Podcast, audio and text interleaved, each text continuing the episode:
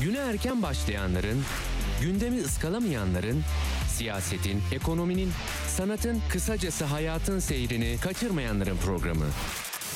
Ali Çağatay'la Seyir Hali hafta içi her sabah 7'den 9'a Radyo Sputnik'te. Ali Çağatay'la Seyir Hali başlıyor. Radyo Sputnik'te seyir halindesiniz. İstanbul 97.8, Ankara 96.2, İzmir 91.0, Bursa 101.4 ve Kocaeli 90.2 frekansından bizi dinleyebilirsiniz.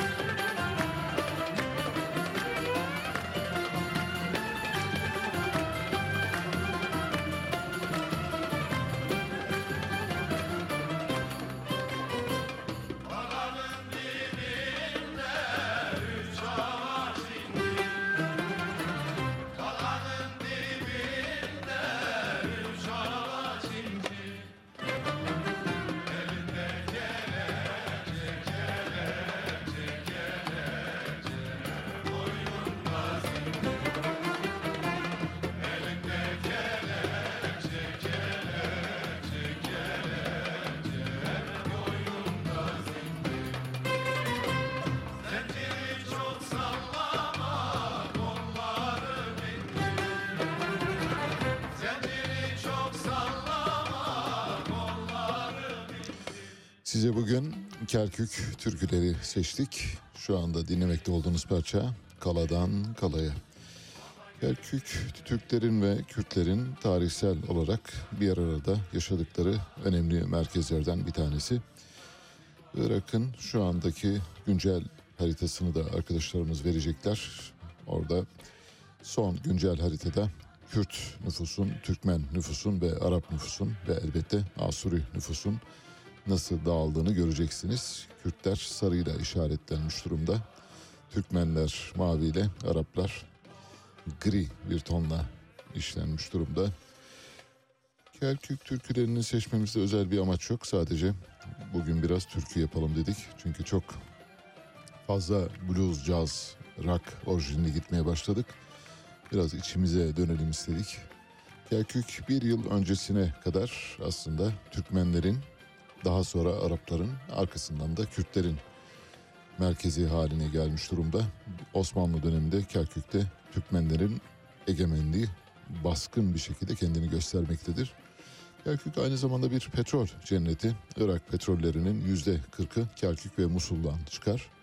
Türkiye'nin Kerkük ve Musul petrolleri üzerinde yazılı olan ancak de facto uygulamada olmayan bir garantörlük hakkı vardır. Bu konuda belki ileride bir dosya çalışması yapacağız. Kerkük tarih boyunca ya da prehistorya döneminde Asur İmparatorluğu'na, Babil İmparatorluğu'na ve Med İmparatorluğu'na e, kent olarak bir ticari kent olarak hizmet vermiştir. 20. yüzyılda çok dramatik değişiklikler oldu Kerkük'ün demografisinde. Kürtler, Türkmenler ve Araplar arasında süre giden savaşlar hala yaygın bir şekilde devam ediyor. Tarihi olarak şehir her zaman Kürtler ve Türkmenler tarafından kültürel bir başkent olarak addediliyor. 2014'te IŞİD'in ele geçirmesinden sonra karşı saldırıyla Amerika Birleşik Devletleri'nde destek vermesiyle bölge Kürt egemenliğine geçti ve o tarihten bu yana Kürtlerin de facto başkenti olarak kabul ediliyor. 16 Ekim 2017'de Bağdat yani Irak ordusu kenti tekrar ele geçirdi. Şu anda tartışmalı bir durum var bölgede. İşin bu kısmına fazla girmiyoruz. Güncel harita ekranlarınızda göreceksiniz. Şu anda Kerkük'teki 1997 sayımına göre güncel bir sayım yok çünkü yapılamıyor. Halkın %72'si Arap, %21'i Kürt, %7'si Türkmenlerden oluşuyor. Bu demografinin çok değiştiğini biliyoruz son yıllarda. Bunun üzerinde duracağız. Evet başlıyoruz. Neyle başlayacağız? Bir defa medyanın ölüsünün bile ne kadar güçlü olduğunu kanıtlayan bir haberle başlayacağız. Büyük Çamlıca Camii'nin altındaki otoparkta bulunan ve medya tarafından görüntülenen otomobillerle ilgili haberler bugün itibariyle artık netlik kazandı ki orada bir kara borsa ticareti var ve kara borsa ticareti yapan otomobil kara borsacılarının stok yeri olarak kullandıkları bir mahal olduğu anlaşıldı. İlk günlerde hatırlarsanız geçen hafta medyada bazı otomobil sektörü tarafından yemlenen gazeteciler tarafından saptırılmaya çalışıldı ancak dün gelen haberle bu artık bu tartışma bitti. Bu tartışmanın bitmesini şu bakımdan önemsiyoruz. Medyanın en ölü halinin en yaşamsal olarak e, son demlerini yaşayan halinin bile ne kadar önemli bir görev üstlendiğini kanıtladı.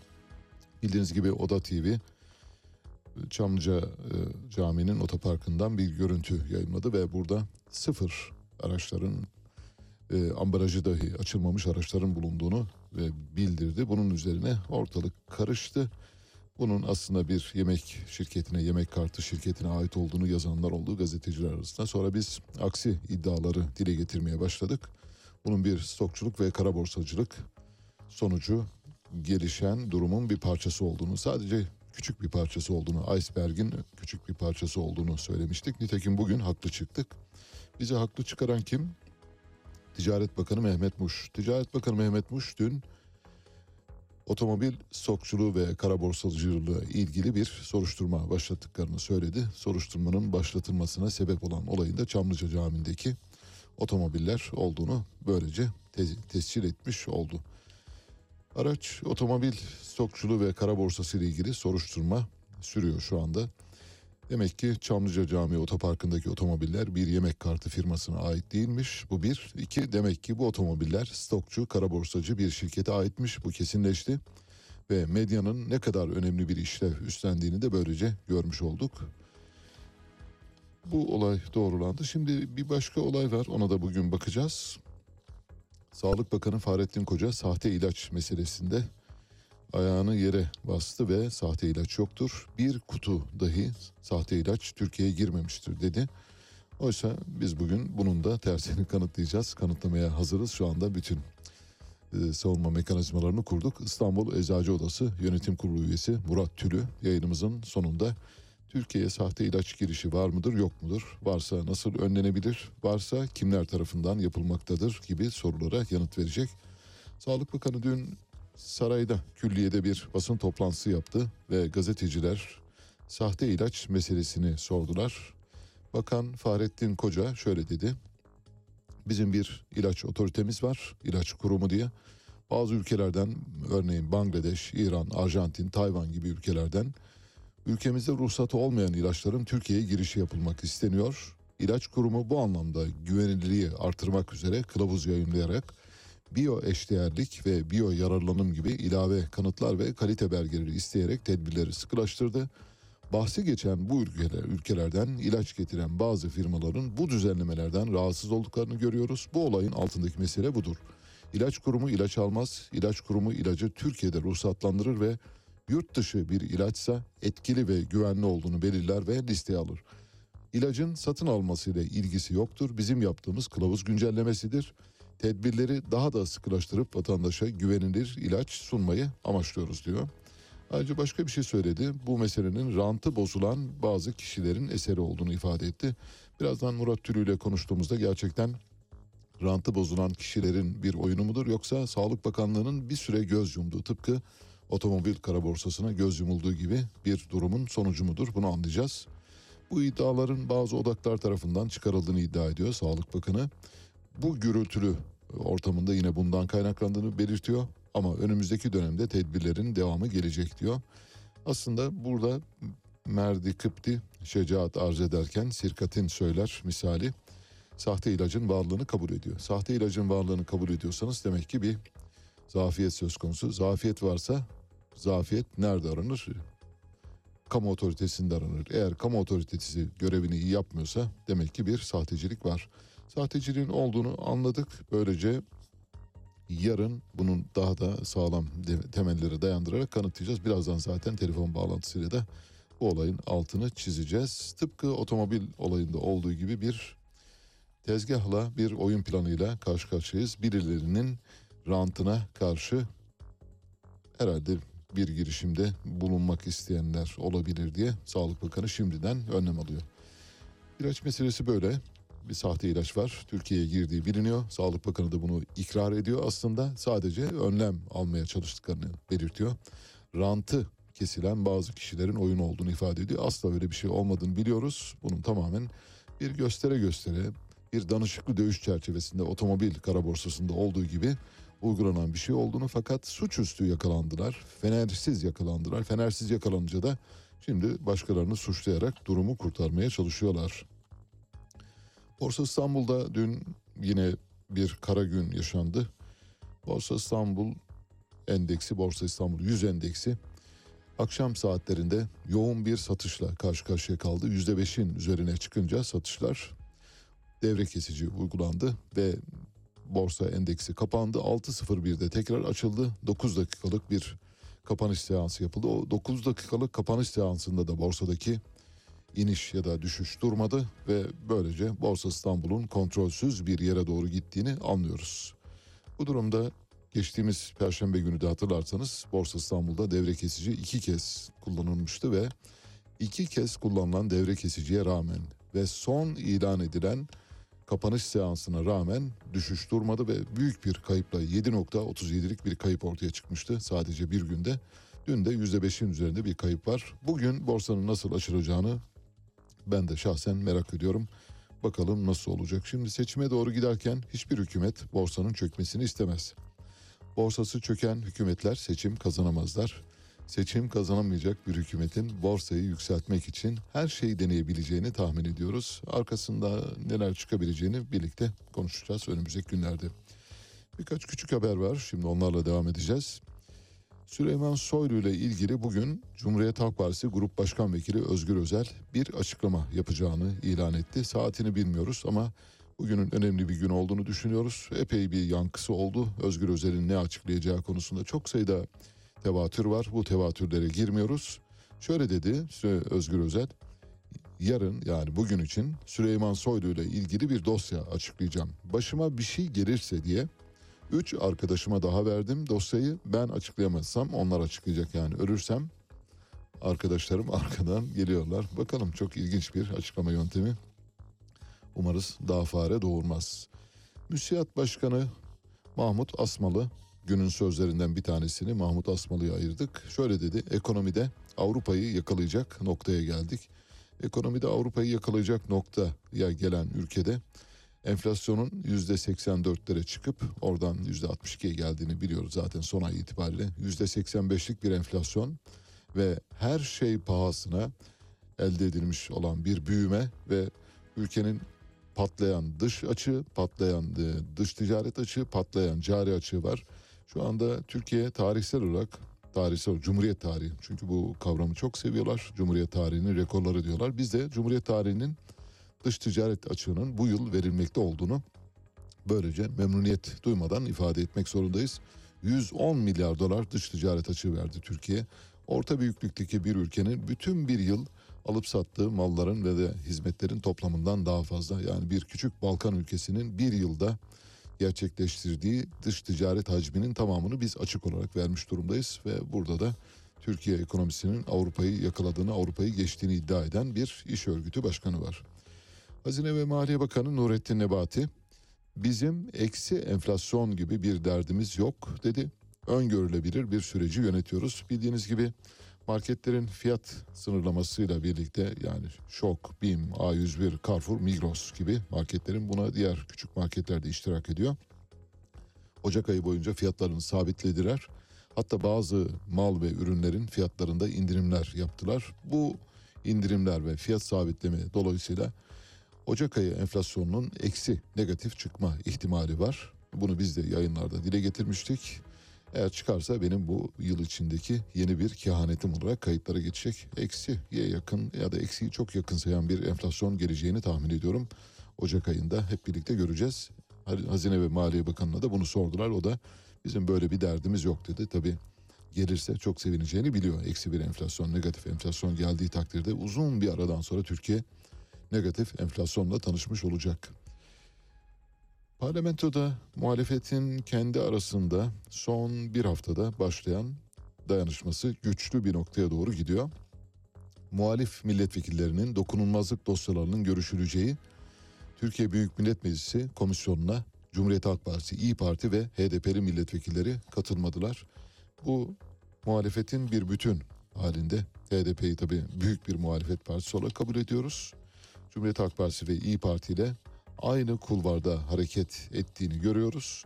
En son Adalet ve Kalkınma Partisi'nden gelen bir anayasa değişikliği görüşme teklifi vardı. Bunu HDP önce reddetti. Arkasından İyi Parti ve Cumhuriyet Halk Partisi de reddetti. Dokunulmazlık dosyalarında da muhalefet tek vücut olmayı başardı. Bu kararlı duruşun sürmesi halinde Türkiye için iyi şeyler olacağını söyleyebilirim.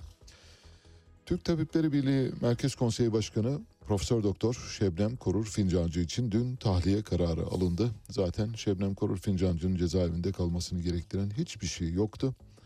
Tahliye kararını memnuniyetle karşılıyoruz. Neden olduğunu bilmiyoruz ama galiba bu kadar da olmaz denildi. Bir de tabii uluslararası kamuoyundan da büyük bir baskı vardı. Bu baskıyı göğüslemek için bu yola başvuruldu. Şebnem Korur Fincancı'ya buradan göz aydınlığı dileği gönderiyoruz.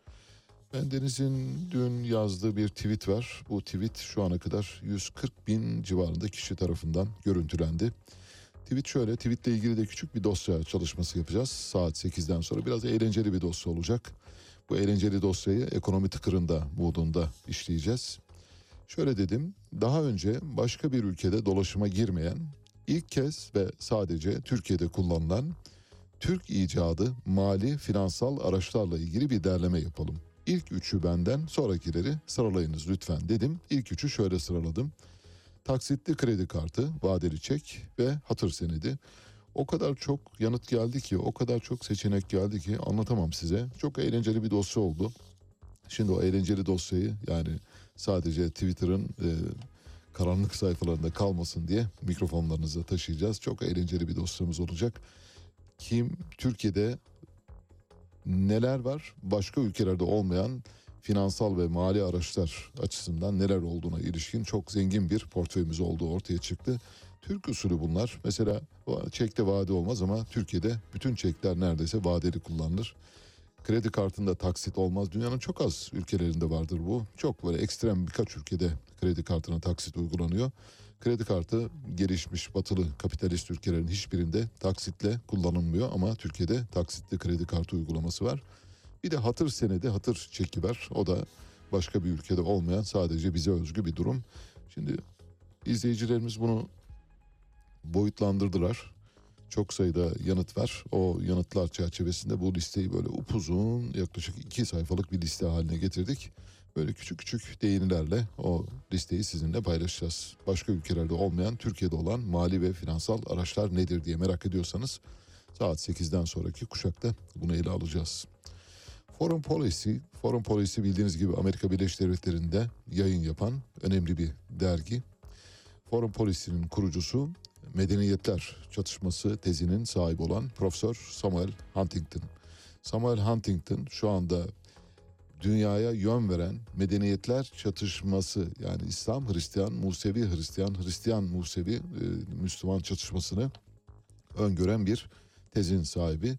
Foreign Policy Amerikan kamuoyu tarafından çok yakından izlenen bir dergidir ve önemsenen bir dergidir. Foreign Policy'de yazılan yazılar aslında Amerikan derin devletinin ağzından yazılmış gibi kabul edilir. O yüzden bir Foreign Policy'nin son haberini şöyle paylaşalım. Bu gözle lütfen e, izleyiniz. Şöyle diyor. Türkiye Ukrayna'ya misket bombası gönderiyor. Foreign Policy'nin iddiası. Amerika tarafından geliştirilen bombaların Türkiye'de de üretimi yapılıyor. Ukrayna'nın söz konusu bombaları önce Amerika'dan istediği ancak Amerika'daki ihraç yasağı nedeniyle Türkiye'nin devreye girdiği belirtiliyor. Şimdi nasıl? Yumurtaları birbirine vurduruyorlar. Bakalım çürük yumurta hangisi diye. Birisi kırılacak. Şunu hedefliyor Amerika Birleşik Devletleri. Bildiğiniz gibi Rusya ve Ukrayna'yı savaştırarak aslında o bölgede bir kaotik durum yarattı. Bu birinci adımı. Bu kaotik durum nedeniyle Amerika Birleşik Devletleri Avrupa Birliği'ni teslim aldı. Nasıl teslim aldı? Rusya sizin düşmanınız, sizin ileride gelecekte atide üyeniz olması gereken bir ülkeyi Ukrayna'yı işgal ediyor. Dolayısıyla bunu seyirci kalamazsanız Rusya'ya karşı yaptırımlar uygulayın diyerek Avrupa'yı da teslim almış durumda. Şimdi Rusya ile Ukrayna'yı savaştırdı, Avrupa'yı teslim aldı. Şimdi Rusya'nın büyük müttefiki olarak gözüken Türkiye'yi Rusya ile kapıştırmaya çalışıyor. Foreign Policy'nin haberini böyle okuyunuz lütfen. İki ülkeyi birbirine düşürdük, silah sattık. Şahane bir şeyimiz var. Şu anda silah portföyümüzdeki eski yeni ne kadar silah varsa moda demode ne kadar silah varsa işe yarar yaramaz ne kadar silah varsa kullanılan kullanmayan hurda ya da kullanılabilir durumda ne kadar silah varsa hepsini sattık. Nereye sattık? Ukrayna'ya sattık.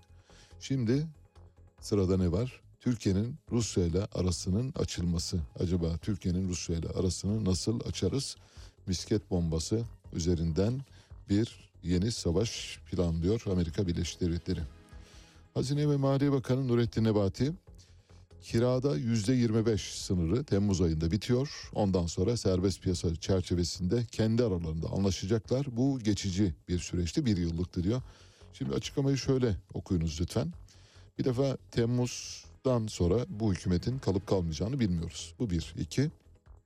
Peki eğer ev sahipleriyle kiracıların anlaşmasını düşünüyorsanız ve kiracıdan yana bir tavır benimsiyorsanız o zaman uygulamanın sınırsız ve sonsuz sürmesi gerekmez mi? Öyle olması gerekir. Enflasyon belli bir noktaya düşünceye kadar kiralardaki artış yüzde 25'ten fazla olamaz demeniz gerekir. Bunu dedik ama Temmuz'dan sonra bunun kaldırılacağını söylüyor. Temmuz'dan sonra siz olmayabilirsiniz. Dolayısıyla siz kaldıramayabilirsiniz. Temmuz'dan sonra yapmanızın altındaki sebep de şu. Hazirana kadar, seçimlere kadar bu böyle devam etsin. Dolayısıyla kiracıların da fazla husumetini çekmeyelim. Ev sahipleriyle zaten anlaşıyoruz. Onları biz besliyoruz. Onlar bizim e, tebaamız, onlar bizim o, oy depomuz ama kiracıların mağdur olmaması için bir şeyler yapmamız lazım diyor ve Temmuz'a gün veriyor. Temmuz'da yoksunuz. Söylüyorum size. Yunanistan'ın son kralı 2. Konstantin hayatını kaybetti. Şimdi 2. Konstantin'in hayatıyla ilgili küçük bazı bilgiler paylaşacağım sizinle. Bu küçük bazı bilgileri şu maksatla e, paylaşacağım. Bir defa Konstantin çok önemli bir e, karakterdi ve o eksikliğini hissedeceğiz anlamında değil elbette. Sadece Konstantin çerçevesinden bakarak Yunanistan'ın son kralı 2. Konstantin'in hayatına bakarken Avrupa'daki monarşilerin ne kadar birbiriyle iç içe geçtiğini anlatmaya çalışacağım. Avrupa'daki monarşilerin hepsinin birbiriyle akrabalık bağları vardır. Hepsinin bir karabet içinde olduklarını biliyoruz. Örneğin Danimarka prensi Yunanistan e, prensesiyle evli. E, İspanya kralı e, İngiltere kraliçesiyle evli gibi böyle geniş bir hinterland var.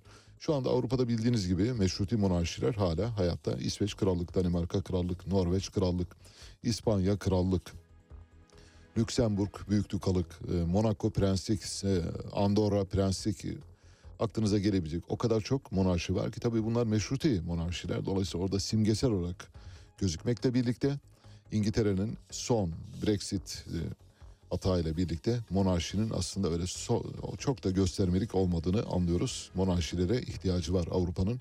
Monarşilerin gitmesini çok fazla istemiyor. İşte son monarşinin temsilcilerinden birisi Kral Konstantin dün hayatını kaybetti. Yaşlı bir e, kraldı ve son yıllarını kötü geçirdi. Bu arada onu da söylemiş olalım. Kendisi Avrupa monarşilerinin akrabalık bağlarının en güzel örneklerinden birini oluşturuyor. Avrupa'daki bütün monarşiler birbiriyle akrabadır. Kız alışverişi, prenslik ya da prenslerin e, değiş tokuşu gibi sebeplerle her ülke diğer ülkeye daha yakın olmayı hedeflemiştir. Bu şekilde tabi Osmanlı da Bizans da bunu denemiştir bir dönem boyunca ama çok fazla başarılı olduğumuzu söyleyemeyiz. Belki Osmanlı bunu çok daha usturuplu yapmış olsaydı muhtemelen Batı uygarlığının bir parçası ve Batı monarşilerinin ayrılmaz bir mütemmim cüzü haline gelebilir ama orada çok akıllıca bir politika izleyemedik. Ancak Avrupa kendi içinde bu akıllıca politikayı izliyor. Kral Konstantin babası bir Yunan, annesi bir İspanyol.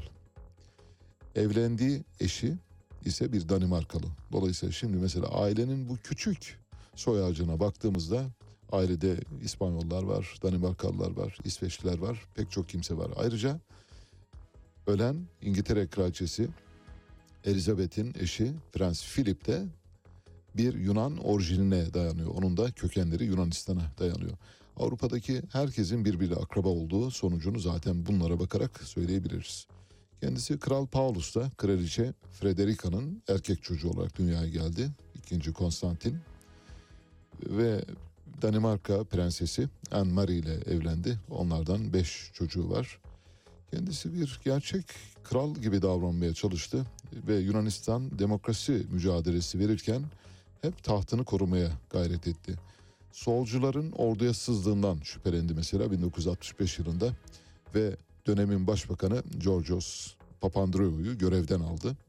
Kısa süre sonra kabineler peş peşe birbirini izledi. 1967 yılında Panayotis Kanelopolos'un kurduğu hükümetle 21 Nisan 1967'de askeri bir darbeyle devrildi.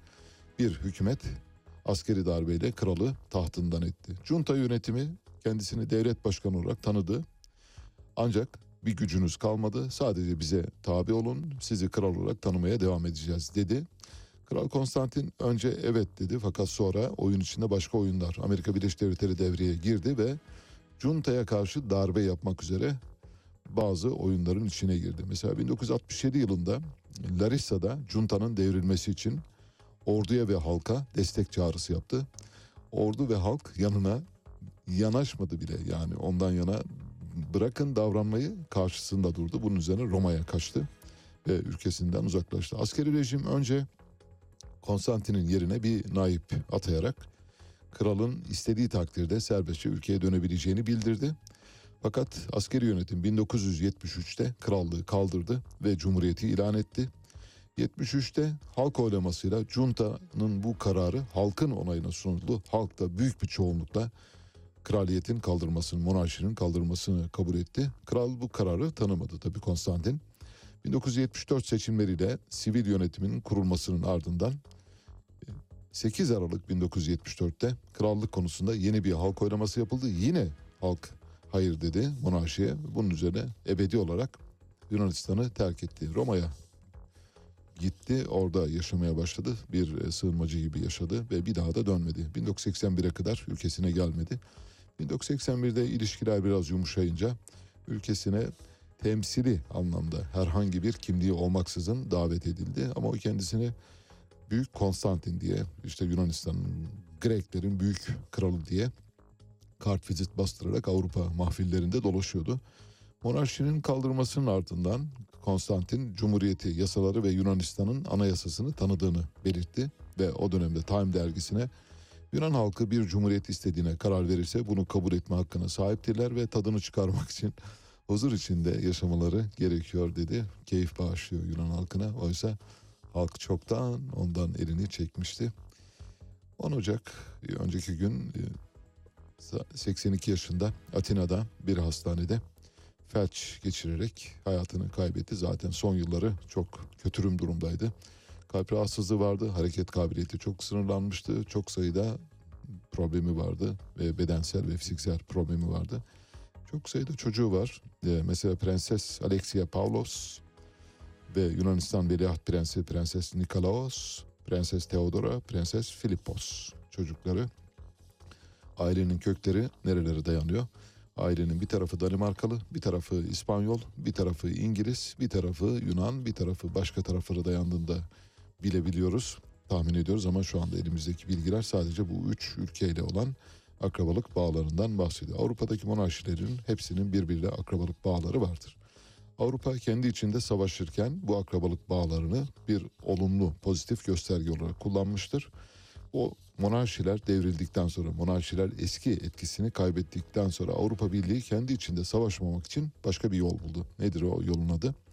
Avrupa Birliği Konvansiyonu, Avrupa Birliği Konvansiyonu'nu kurarak kendi aralarında savaşmamaya karar verdiler. Avrupa Birliği antitesi herhangi bir sıradan durum değildir. Bir kültür simgesi değildir. Avrupa Birliği hem bir kültürel hegemonya yaratmıştır Avrupa'nın kendi içinde. Avrupa kültürünün dünyaya anlatılması ve dünyaya zerk edilmesiyle ilgili bir süreci yürütmektedir. Aynı zamanda kendi aralarında savaşmamak üzere bir konsensüse vardıklarının göstergesidir. Avrupa Birliği dediğimiz budur. Bu yüzden de Türkiye'yi Avrupa Birliği'nde çok fazla istemiyorlar. Çünkü Avrupa Hristiyan dünyanın Katolik ya da Protestan ya da Ortodoks e, Avrupa'nın kendi arasında savaşmadan bir arada kardeşçe yaşaması için düşünülmüş olağanüstü büyük modernist ve son yılların en insancıl projelerinden biridir. Afganistan'dan iki karar geldi Taliban'dan. Taliban bildiğiniz gibi bir süre önce kadınların okumasıyla ilgili durumu, öğrenimiyle ilgili durumu iptal etmedik. Kadınların okumasıyla ilgili bir yasak getirmedik. Sadece erteledik dedi. Ne kadar süreyle ertelediklerini bilmiyoruz. Muhtemelen onlar da seçime kadar diyebilirler. İki karar daha aldı Taliban. Bir, kadınların okula gitmesini yasakladı dün itibariyle. Erkek doktorların da kadın hastaları muayene etmesini yasakladı. Şimdi İslam ya da İslam meşrebi diyorsunuz ya işte İslam meşrebi bu. Hiç öyle abartmayın. Yani arkasından dolanmayın. İslam'ın radikal formlarına saptığınız andan itibaren işte sonu budur. Nereye kadar gider? Kadın doktorlar, erkek doktorlar, erkekler tarafından muayene edilmesin. Kadınlar gibi şeylere kadar gidiyor. Dün şöyle bir avukat paylaşımı var. Çok hoş ben çok beğendiğim için onu sizinle paylaşmak istedim. Şöyle diyor avukat. Çocuk Ağır Ceza Mahkemesi'nde bir duruşmadayız. Lütfen dikkatle dinleyiniz. Çocuğun çok fazla ceza dosyası varmış. Hakim sanık için ailesine şöyle dedi. Kürsüde ayağa kalkıp bu çocuk sizin değil bizim elimizde büyüdü diyor. O kadar çok sabıkası var ki çocuğun. Yani sürekli mahkemeler, duruşmalar, cezaevleri, karakollar bunların arasında gidip gelen bir şey. Hakim ironik biçimde ama tabii son derece trajik aslında. Çocuk sizin değil bizim elimizde büyüdü diyor. Bu çocuğu bu hale getiren sizsiniz demek istiyor. Bence çok hoş bir ders vermiş oldu. BMW dünyanın en önemli otomobil markalarından Alman BMW. Geçen yıl dünyanın tüm ülkelerinde satış gerilemesi yaşadı. BMW'nin satış gerilemesi yaşamadığı ve aksine satışlarını artırdığı iki tane ülke var. Bu iki ülkeden birini tahmin edebiliyorsunuz herhalde değil mi? Evet Türkiye. Bütün dünyada BMW'nin satışları 2022 yılında gerilerken %5 civarında minimum %5 ortalamasından bahsediyoruz. Bazı ülkelerde %20'ler civarında geriledi. BMW'nin Türkiye'deki satışları %16 arttı. Dünyada %5 gerilerken Türkiye'de %16 artan satışlardan bahsediyoruz. Mercedes'in de dünya çapındaki satışları geçen yıl %1 düşerken Türkiye'deki satışları %21 arttı. Ben size buna ilişkin birkaç örnek daha hazırlayacaktım ama vaktimiz olmadı kusurumuza bakmayın. Mesela Maserati, Bugatti gibi otomobillerin de satışında gerileme var. Ama bu otomobillerin de satışında Türkiye pazarında ilerlemeleri var. Demek ki Türkiye'de havadan para kazanan çok büyük bir kitle var. Bu çok büyük bir kitle parayı harcayacak yer bulamıyor. Önce kripto piyasasına gömdüler. Olmadı. Döndüler. Borsaya gömdüler. Nitekim borsaya gömdükleri paralar şu anda hakikaten pişmanlık yaratıyor. Artık borsaya da gömmeyecekler öyle anlaşıldı. Çünkü borsada da başka bir oyun var. Sonra da dönüp ne yapıyorlar? İşte böyle lüks arabalara tekne, katyat, murat gibi yerlere harcıyorlar. Çünkü bedava para kazanan ve emek sarf etmeden, alın teri dökmeden, göz nuru harcamadan kazanılmış paralar var. Böyle yaşayan Türkiye'de bir yüzde onluk kitle var. Yani 85 milyonluk ülkenin yüzde onu bu şekilde bir miras yedi hayatı yaşıyor. Bir dolce vita içinde. Bu insanların elbette para harcama kültürüne sınır koymak mümkün değil. Zaten bu şu örnek mesela tek başına bunu anlatmaya yetiyor. Bütün dünyada Mercedes'in satışları geriliyor. BMW'nin satışları geriliyor. Türkiye'de satışlar yüzde 16 artıyor, yüzde 21 artıyor. O zaman başka bir şey var demektir. Havadan para kazanan insanların bu kadar çok olduğu bir ülkede bunlar normaldir demek durumunda kalabiliriz. NASA'nın bir keşfi var. NASA yeni bir gezegen keşfetti. NASA'nın bu yeni gezegen keşfiyle ilgili Türk sosyal medya kullanıcıları tarafından kimi eleştiriler de vardı. O eleştirilerden birkaçına baktım şöyle yani utandım o kadar söyleyeyim. Böyle bir şey yoktur diyenler var. Zaten Ay'a da gitmedik diyenler var. Gezegen mezegen falan yok ortada. Bu Amerika Birleşik Devletleri'nin uydurmasıdır diyenler var. Bilmiyoruz işte böyle şeyler tartışılıyor. Dünyanın hala düz olduğunu düşünenler var. Tabii dünyanın düz olduğunu düşünenler sadece Türkiye'de değil Amerika'da var. Örneğin işte yıllarca Amerikan Profesyonel Basketbol Ligi NBA'de oynamış olan Shaquille O'Neal bir televizyon programında çıktı dedi ki bence dünya düzdür dedi. Çünkü dedi dünyanın düz olduğunu ben bir yere doğru böyle sonsuza doğru giderek aslında sonunun gelmediğini görüyorum diyor. Peki mesela Shaquille O'Neal'a o röportaj sırasında tabii sunucu sormayı unuttu. Örneğin dünyanın başladığınız noktasına tekrar döndüğünüzde acaba dünyanın yuvarlak olduğu anlamı çıkmıyor mu buradan diye sorsaydı muhtemelen buna vereceği yanıt yoktu. Çünkü eğer dünya düzse bir doğrultu üzerinde sonsuza kadar gidersiniz ve bir daha başladığınız noktaya dönemezsiniz. Ama dünya yuvarlak olduğu için başladığınız noktaya dönüyorsunuz.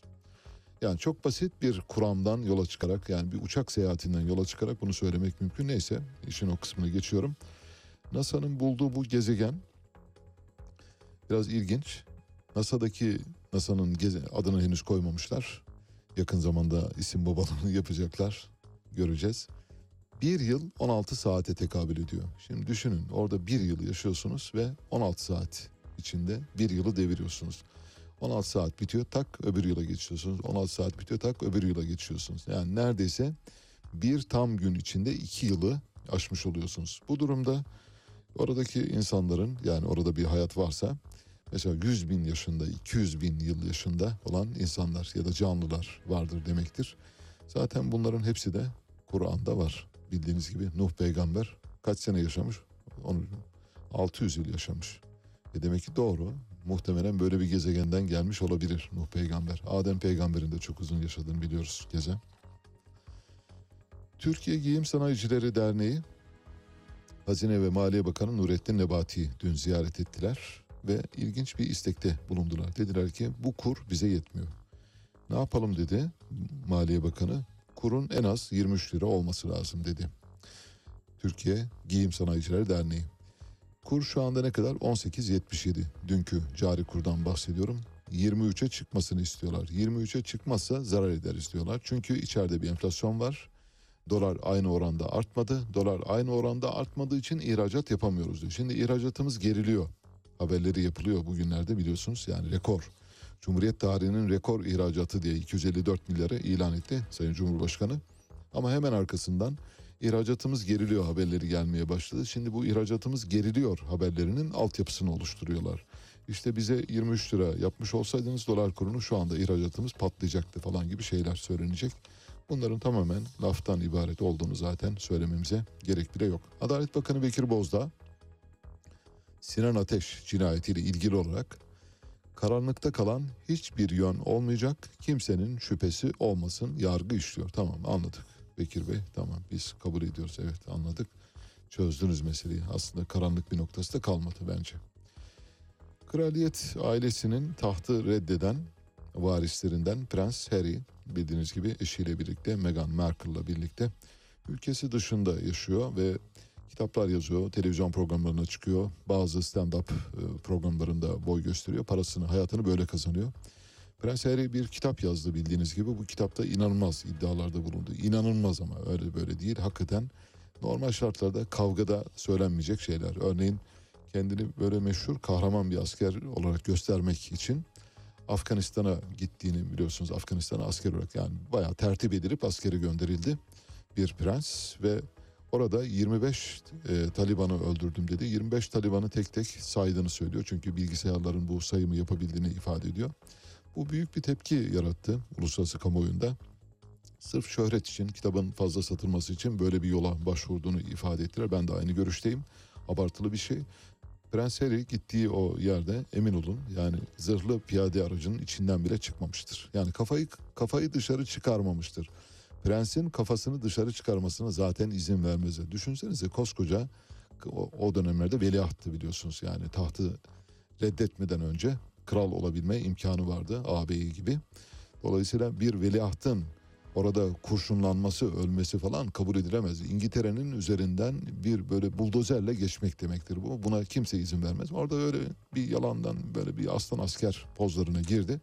Ben silah kullandığını bile e, düşünmüyorum. Yani görünmez e, cansız hedeflere ateş ederek kendini oyalamıştır. Ama ben orada 25 Taliban'ı öldürdüm dedi. Şimdi dün şöyle bir şey daha çıktı kitaptan. Annemle babam beni abime organ bağışı için doğurdular diyor. Yani yarın abim eğer herhangi bir nedenle hastalanırsa yaşama, yaşayamaz duruma gelirse ona donör olmak için beni doğurdular diyor. Yani akla hayale sığmayacak şey. Kimsenin aklına gelmiyor yani şeytanın aklına gelmeyecek bir şey. Diyelim ki böyle bir şey, böyle bir söylenti var. Bu söylenti mesela kimden çıkmıştır? Bunu tespit etmek lazım. Bu bir. iki Böyle bir şey olamaz. Yani bir anne baba çocuğunu diğer çocuğuna donör olsun diye doğurmaz. Böyle bir yola başvurmaz. Bu olsa olsa kuyruklu bir yalandır. Ben buradan Prens Harry'i kuyruklu yalancı ilan ediyorum. Afganistan'da 25 Taliban öldürdüm yalanından daha büyük yalanı budur bence. Bir istatistik var OECD istatistiği. Şimdi Doruk paylaşacak istatistiği. Enerji enflasyonu ile ilgili bir değerlendirme bu. Enerji enflasyonunda Türkiye dünya lideri. Bütün ülkelere turbo indirmiş durumdayız. Türkiye enerji enflasyonunda yüzde 123 ile geçen yılı lider tamamlamış durumda. Avrupa'da da enflasyon var diyoruz ya. Şimdi Avrupa'daki enflasyonun bizim enflasyonumuzun yanına yaklaşmadığını zaten biliyoruz. Bizim en yakın takipçimiz İtalya. Orada bile enerji enflasyonu yüzde 67 yarısı kadar Türkiye'nin enerji enflasyonu. Demek ki Türkiye kendinden bağımsız olarak uluslararası konjonktürden de bağımsız olarak ayrıca enflasyon üretebilen bir ülke konumunda. Bu enerji enflasyonu zaten bize bunu söylüyor. Enerji enflasyonu sıralamasında United Kingdom %55'te 3. sırada Estonya 52 ile devam ediyor. En düşük enerji enflasyonu Meksika'da ve İsrail'de. İsrail'de %4, Meksika'da da %2.4. Dolayısıyla biz enflasyonu kendi kendimize üretebiliyoruz. Her şeyi biz kendi kendimize yapabilecek durumdayız. Batman Belediyesi'nin bir kayyumu var. Batman Belediyesi kayyumu Batman'ın valisi. Aynı zamanda kendisiyle tanışma imkanım da oldu. İyi bir insana benziyordu ama mesela şu anda son bir buçuk yıldır yaptıklarına bakınca öyle çok da iyi bir insan olmadığını anlıyorum. Yani bende yarattığı izlenimi şimdi kendime esefle ikrar etmek durumundayım ki çok iyi bir insan değilmiş. Batman Belediyesi kayyumu vali. Kayyum yazılı sınavda 95 puan alan bir memuru mülakatta eliyor. Yazılı sınavda 61 puan alan AK Parti İl Başkanı Akif Gür'ün akrabası olan Mehmet Melih Gür'ün mülakat puanını yükselterek belediyede müdür yapıyor. Müdür beyin de fotoğrafı var. Yani AK Parti İl Başkanı'nın fotoğrafı var burada. Göreceksiniz. Arkadaşlarımız paylaşacaklar. 95 puan alanı eliyorsunuz. 61 puan alanı mülakata çağırıyorsunuz. Mülakatta yüksek puan veriyorsunuz. Onu müdür yapıyorsunuz. Evet. Güzel bir haberimiz var bence. Recep Tayyip Erdoğan adına bir müze kuruluyor. Haliç, Kasımpaşa kıyısında. Müzeyle ilgili eskiz çalışmaları da var. Onları da arkadaşlarımız paylaşacaklar. Bir fotoğrafta mesela bir e, multimedyada e, Cumhurbaşkanı Erdoğan'ın eşi Emine Erdoğan'ın uluslararası kadın liderlerle gittiği ülkelerdeki kadın liderlerle ya da liderlerin eşleriyle olan fotoğrafları var. Onlarla olan anılarını içeren bir bölüm var. Bir başka bölümde bir multimedya bölümünde de Cumhurbaşkanı Erdoğan'ın The world is bigger than five metaforu var, mecazı var. Dünya beşten büyüktür. Onu elini beş olarak kaldırmış. Aslında bir parmağı saklamış olsaydı biz oradan çok daha mutlu olduk. Rabia işareti, beş işareti yapıyor. Cumhurbaşkanının Necmettin Erbakan'la bir kamyonet kasasında çekilmiş bir fotoğrafı var. Meşhur bir fotoğraf bildiğiniz gibi. Orada böyle kamyonetin yan tarafına hafif böyle ilişmiş durumda Erbakan önde ve bir seçim e, çalışması için bir miting meydanına gidiyorlar.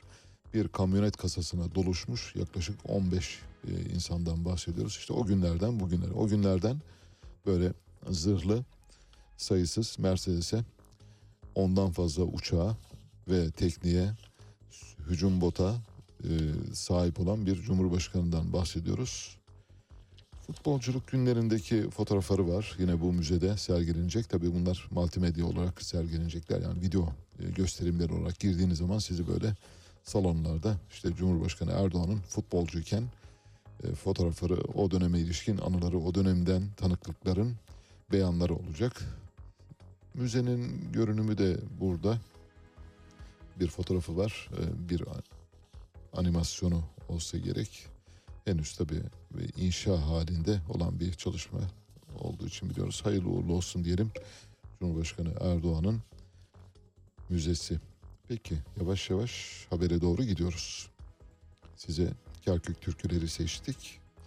Kerkük türküleri eşliğinde veda ediyoruz. Birazdan Mehtap Yenidoğan saat başı haberlerle karşınızda olacak. Saat 8'de haberlerden sonra eğlenceli, çok eğlenceli bir dosyayla başlayacağız. Dünyada daha önce hiçbir ülkede uygulanmayan, dolaşımda olmayan mali ve finansal araçlar nedir diye sorduk. Ona gelen yanıtlar var. Bu yanıtlar çok eğlenceli yanıtlar geldi bu arada. Çok yaratıcı yanıtlar geldi izleyicilerden. Onların üçünü ben sıralamıştım. Taksitli kredi kartı, vadeli çek ve hatır senedi Türklere özgü buluşlardan birkaçıdır. Gerisini siz tamamlayın dedim. 200'den fazla buna benzer. Tabi ironik olanları da var. Hepsini sizinle paylaşacağız. Evet. Kerkük türküleri şu anda dinlemekte oldunuz. Felekten ve Feleksen.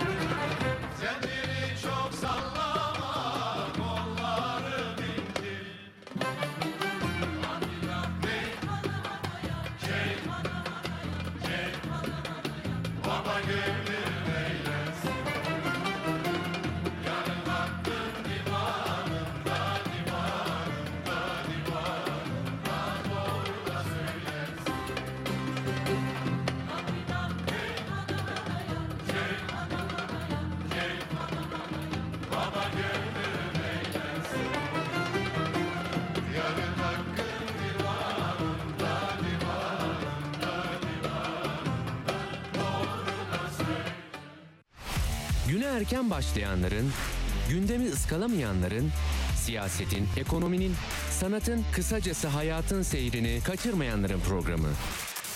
Ali Çağatay'la Seyir Hali hafta içi her sabah 7'den 9'a Radyo Sputnik'te.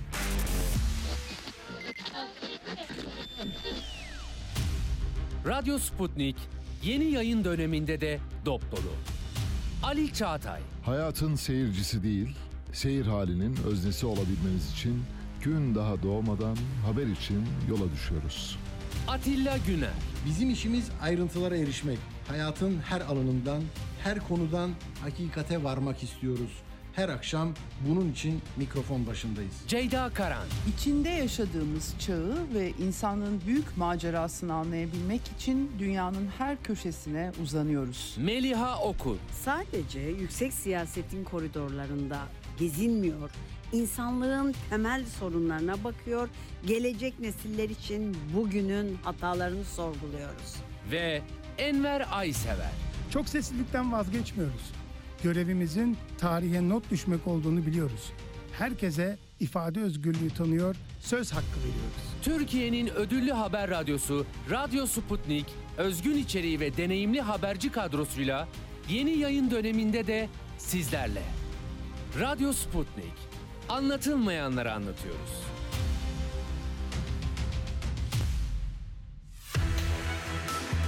Radyo Sputnik.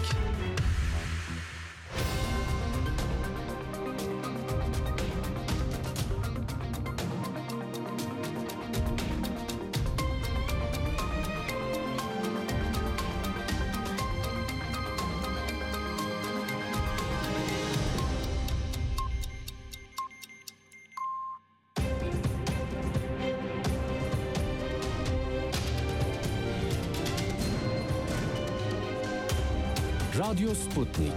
Anlatılmayanları anlatıyoruz. Saat 8 İstanbul stüdyolarından gündemden gelişmeleri aktarıyoruz. Ben Mehtap Yeni Doğan. Önce özetler.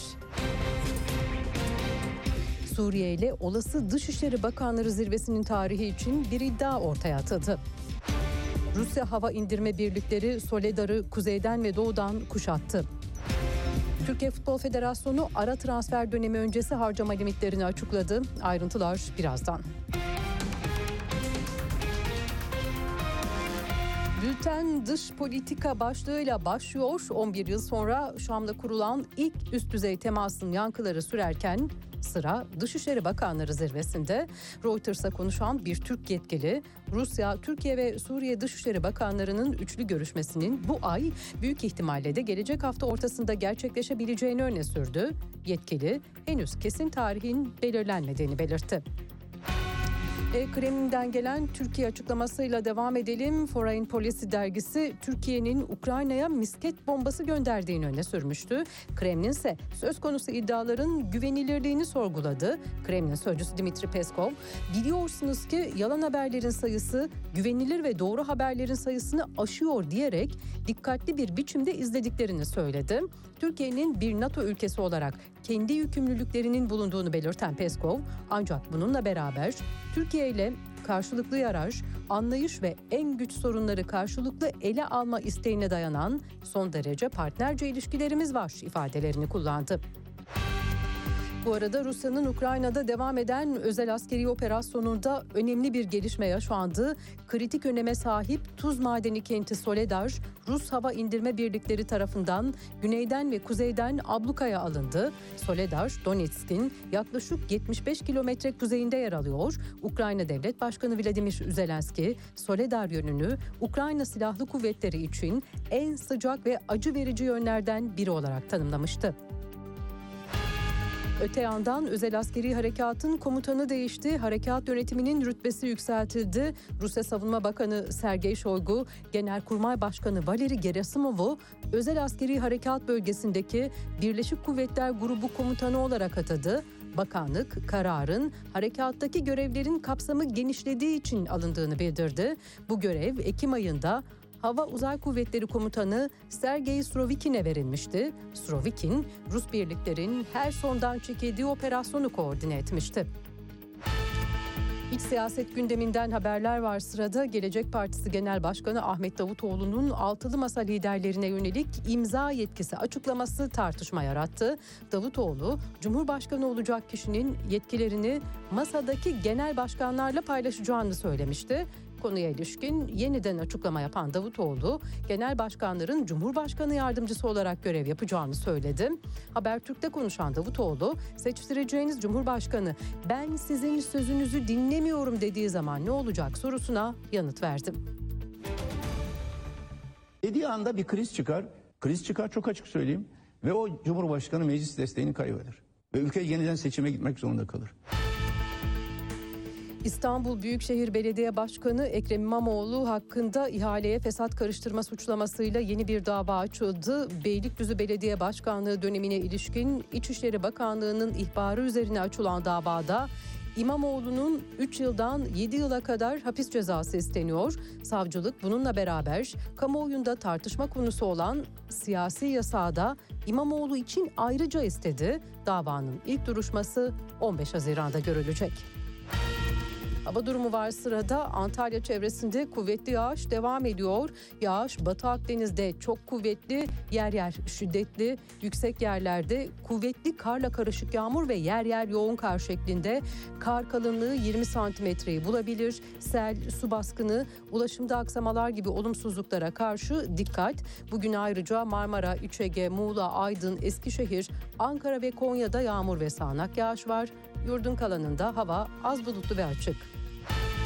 B Spor'dan bir not Süper Lig'de ara transfer dönemi bugün başlayacak. Kulüpler transfer temaslarına devam ederken Türkiye Futbol Federasyonu harcama limitlerini açıkladı. Buna göre Fenerbahçe'nin limiti 1.59 milyar lira, Galatasaray'ın limiti 1.54 milyar lira, Trabzonspor'un limiti 1 milyar lira, Beşiktaş'ın limiti ise 981 milyon lira oldu.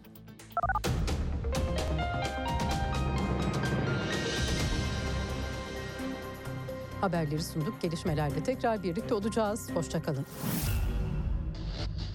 Radyo Sputnik 5 merkezden karasal yayında. İstanbul 97.8, Ankara 96.2, İzmir 91, Bursa 101.4, Kocaeli 90.2. Karasal yayınlarımızın olmadığı yerlerde ise tr.sputniknews.com adresinden iOS ya da Android mobil cihazınızdan Sputnik News uygulamasını indirerek dinleyebilirsiniz. Radyo Sputnik. Anlatılmayanları anlatıyoruz. Havadan, sudan, karbon ayak izinden, yeşil mutabakattan, dünyanın yeni mottosuna uzanan, bugünden geleceğe bakan, soran, soruşturan, sorgulayan program. Olana bitene farklı bir gözle bakmak isteyenler için Meliha Okur'la Anlat Bana her pazartesi ve çarşamba saat 15'te Radyo Sputnik'te. Sputnik Türkiye artık dünyanın en çok kullanılan sosyal ağlarından biri olan Telegram'da. Hala kullanmıyorsanız önce Telegram uygulamasını mobil cihazınıza yükleyin. Ardından Türkiye'nin Telegram kanalına katılın, güncel gelişmeleri ve objektif habere hızla ulaşın. Anlatılmayanları anlatıyoruz. Radyo haberciliğinde bir klasik. Sorulmayanı soran, haberin peşini bırakmayan tarzıyla bir marka. Atilla Güner'le Akşam Postası, gündeme damga vuran konu ve konuklarla hafta içi her akşam 17'de Radyo Sputnik'te. Son dakika haberleri, canlı yayınlar, multimedya ve daha fazlası Sputnik Haber Ajansı'nın web sitesinde. Dünyanın küçük bir parçasını değil, tamamını anlamak istiyorsanız sputniknews.com.tr'yi tıklayın, habersiz kalmayın. Güne erken başlayanların, gündemi ıskalamayanların, siyasetin, ekonominin, sanatın, kısacası hayatın seyrini kaçırmayanların programı. Ali Çağatay'la Seyir Hali hafta içi her sabah 7'den 9'a Radyo Sputnik'te. Evet, yeniden birlikteyiz. Şimdi size önce bir dosyamız olacak. O dosyayı paylaşacağız. Dün paylaştığım tweet'e ilişkin yaratıcı katkılar var. Bu katkıları konuşacağız. Şöyle demiştim daha önce başka bir ülkede dolaşıma girmeyen ilk kez ve sadece Türkiye'de kullanılan Türk icadı mali finansal araçlarla ilgili bir der- derleme yapalım. İlk üçü benden sonrakileri sizden dedim. Taksitli kredi kartı, vadeli çek, hatır senedi dedim. Yüzlerce yanıt geldi ama çok yaratıcı yanıtlar ve katkılar. Bunları böyle arka planda Timur Selçuk ekonomi tıkırında derken dinleyeceğiz ama şimdi değil. Birazdan ondan önce bir ses kaydımız var. Önce o ses kaydıyla sizi tanıştıralım. Bir dünya güzellik yarışması yapılıyor. Dünya güzellik Miss World yarışması. Miss World yarışması sırasında güzeller gelip kendi ülkelerinin ismini seslendirerek bir kısa takdim yapıyorlar. Sadece ülke ismini gelip mikrofona e, seslenip gidiyorlar, seslenip gidiyorlar. Şimdi bu seslenme sırasında dünya güzellerinin kendi ülkelerinin adını telaffuz ederken duydukları heyecan ve yarışma ile ilgili kafalarında gerçekleştirdikleri o imgelemin ne olduğunu zaten o seslerinden anlıyorsunuz. Şöyle sonuna doğru dikkatle dinlerseniz hangi güzelin yarışmaya kendini ne kadar motive ettiğini anlayabilirsiniz. Sıradan gidiyoruz. Albania,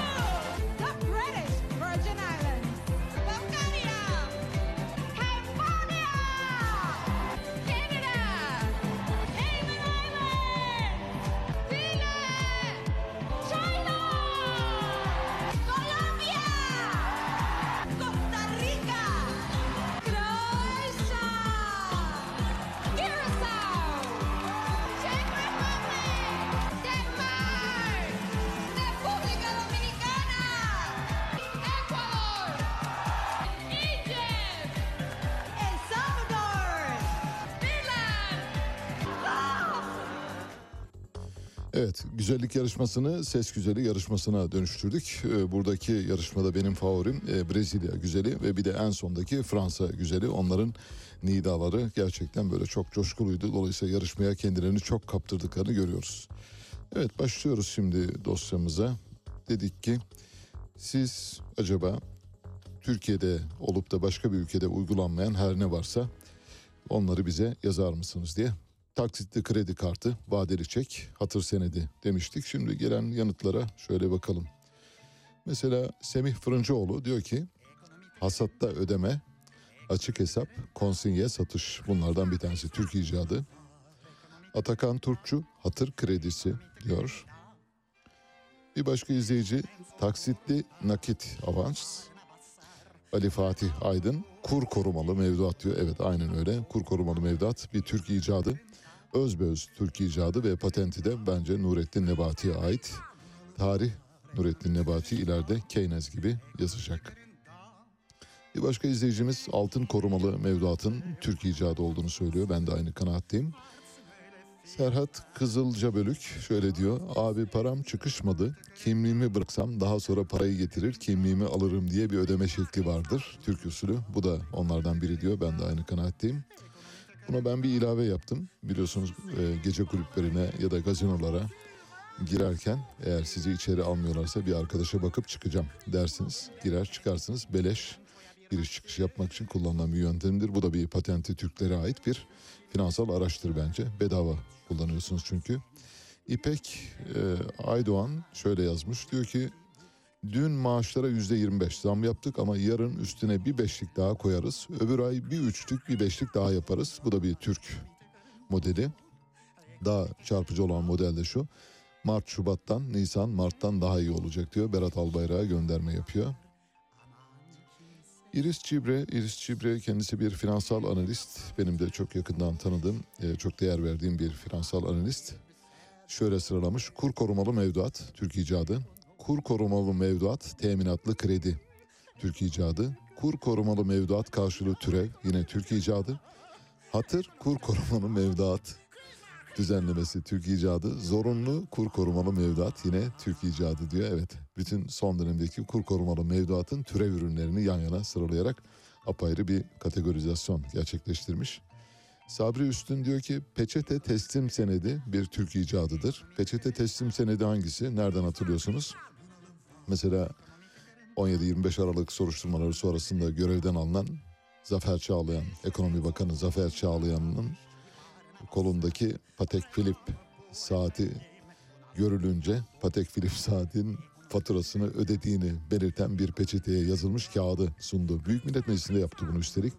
Utanç verici bir şey. Dolayısıyla peçete teslim senedi de Türk icadı bir finansal araç olarak karşımızda. Gazi Ceviz şöyle bir şey anlatıyor. Çok hoş bir anekdot. 1993 yılında Merkez Bankası'ndan bankaya bir faks geldi. Bozuk para kredisi veriyoruz. Faizi yüzde sıfır ya da yüzde şu kadar ister misiniz diye. Faiz oranı cazipti. Cari fiyazın faizin yarısıydı. Esot otobüslerinden gelen belediyenin bozuk paralarını tüketememişler. Bunun üzerine tamam alırız dedik. Bankanın grup firmalarına maaş ödemelerinde birer kese bozuk para verin diye uygun fiyattan sattık bozuk paraları. Buraya dikkat. Maaşını alan bankaya geldi. Bankanın önünde onlarca insan kuyruğa girdi. Hepsinin elinde birer kese bozuk para. Dolayısıyla bozuk para yine sahibine dönüyor. Bozuk parayı satmak isteyen Merkez Bankası'ndan bahsediyoruz. Cihat Çiçek'in şöyle bir katkısı var. İnternetten kredi kartına 3 ay ödemesiz 12 taksitle altın kuyumcuda nakide dönüştürüp nakit kullanmak.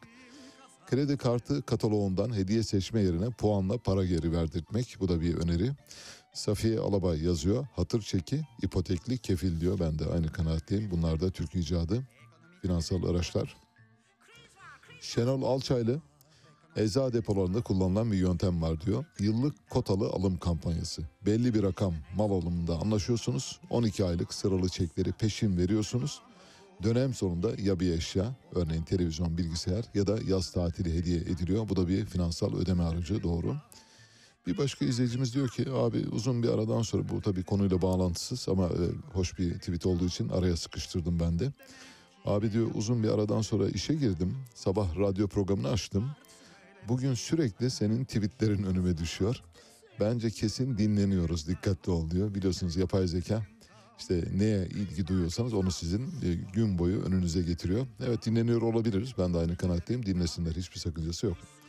Özgür Türk Kredi Garanti Fonu Türk icadı diyor. Evet aynen özbeöz Türk icadı Kredi Garanti Fonu.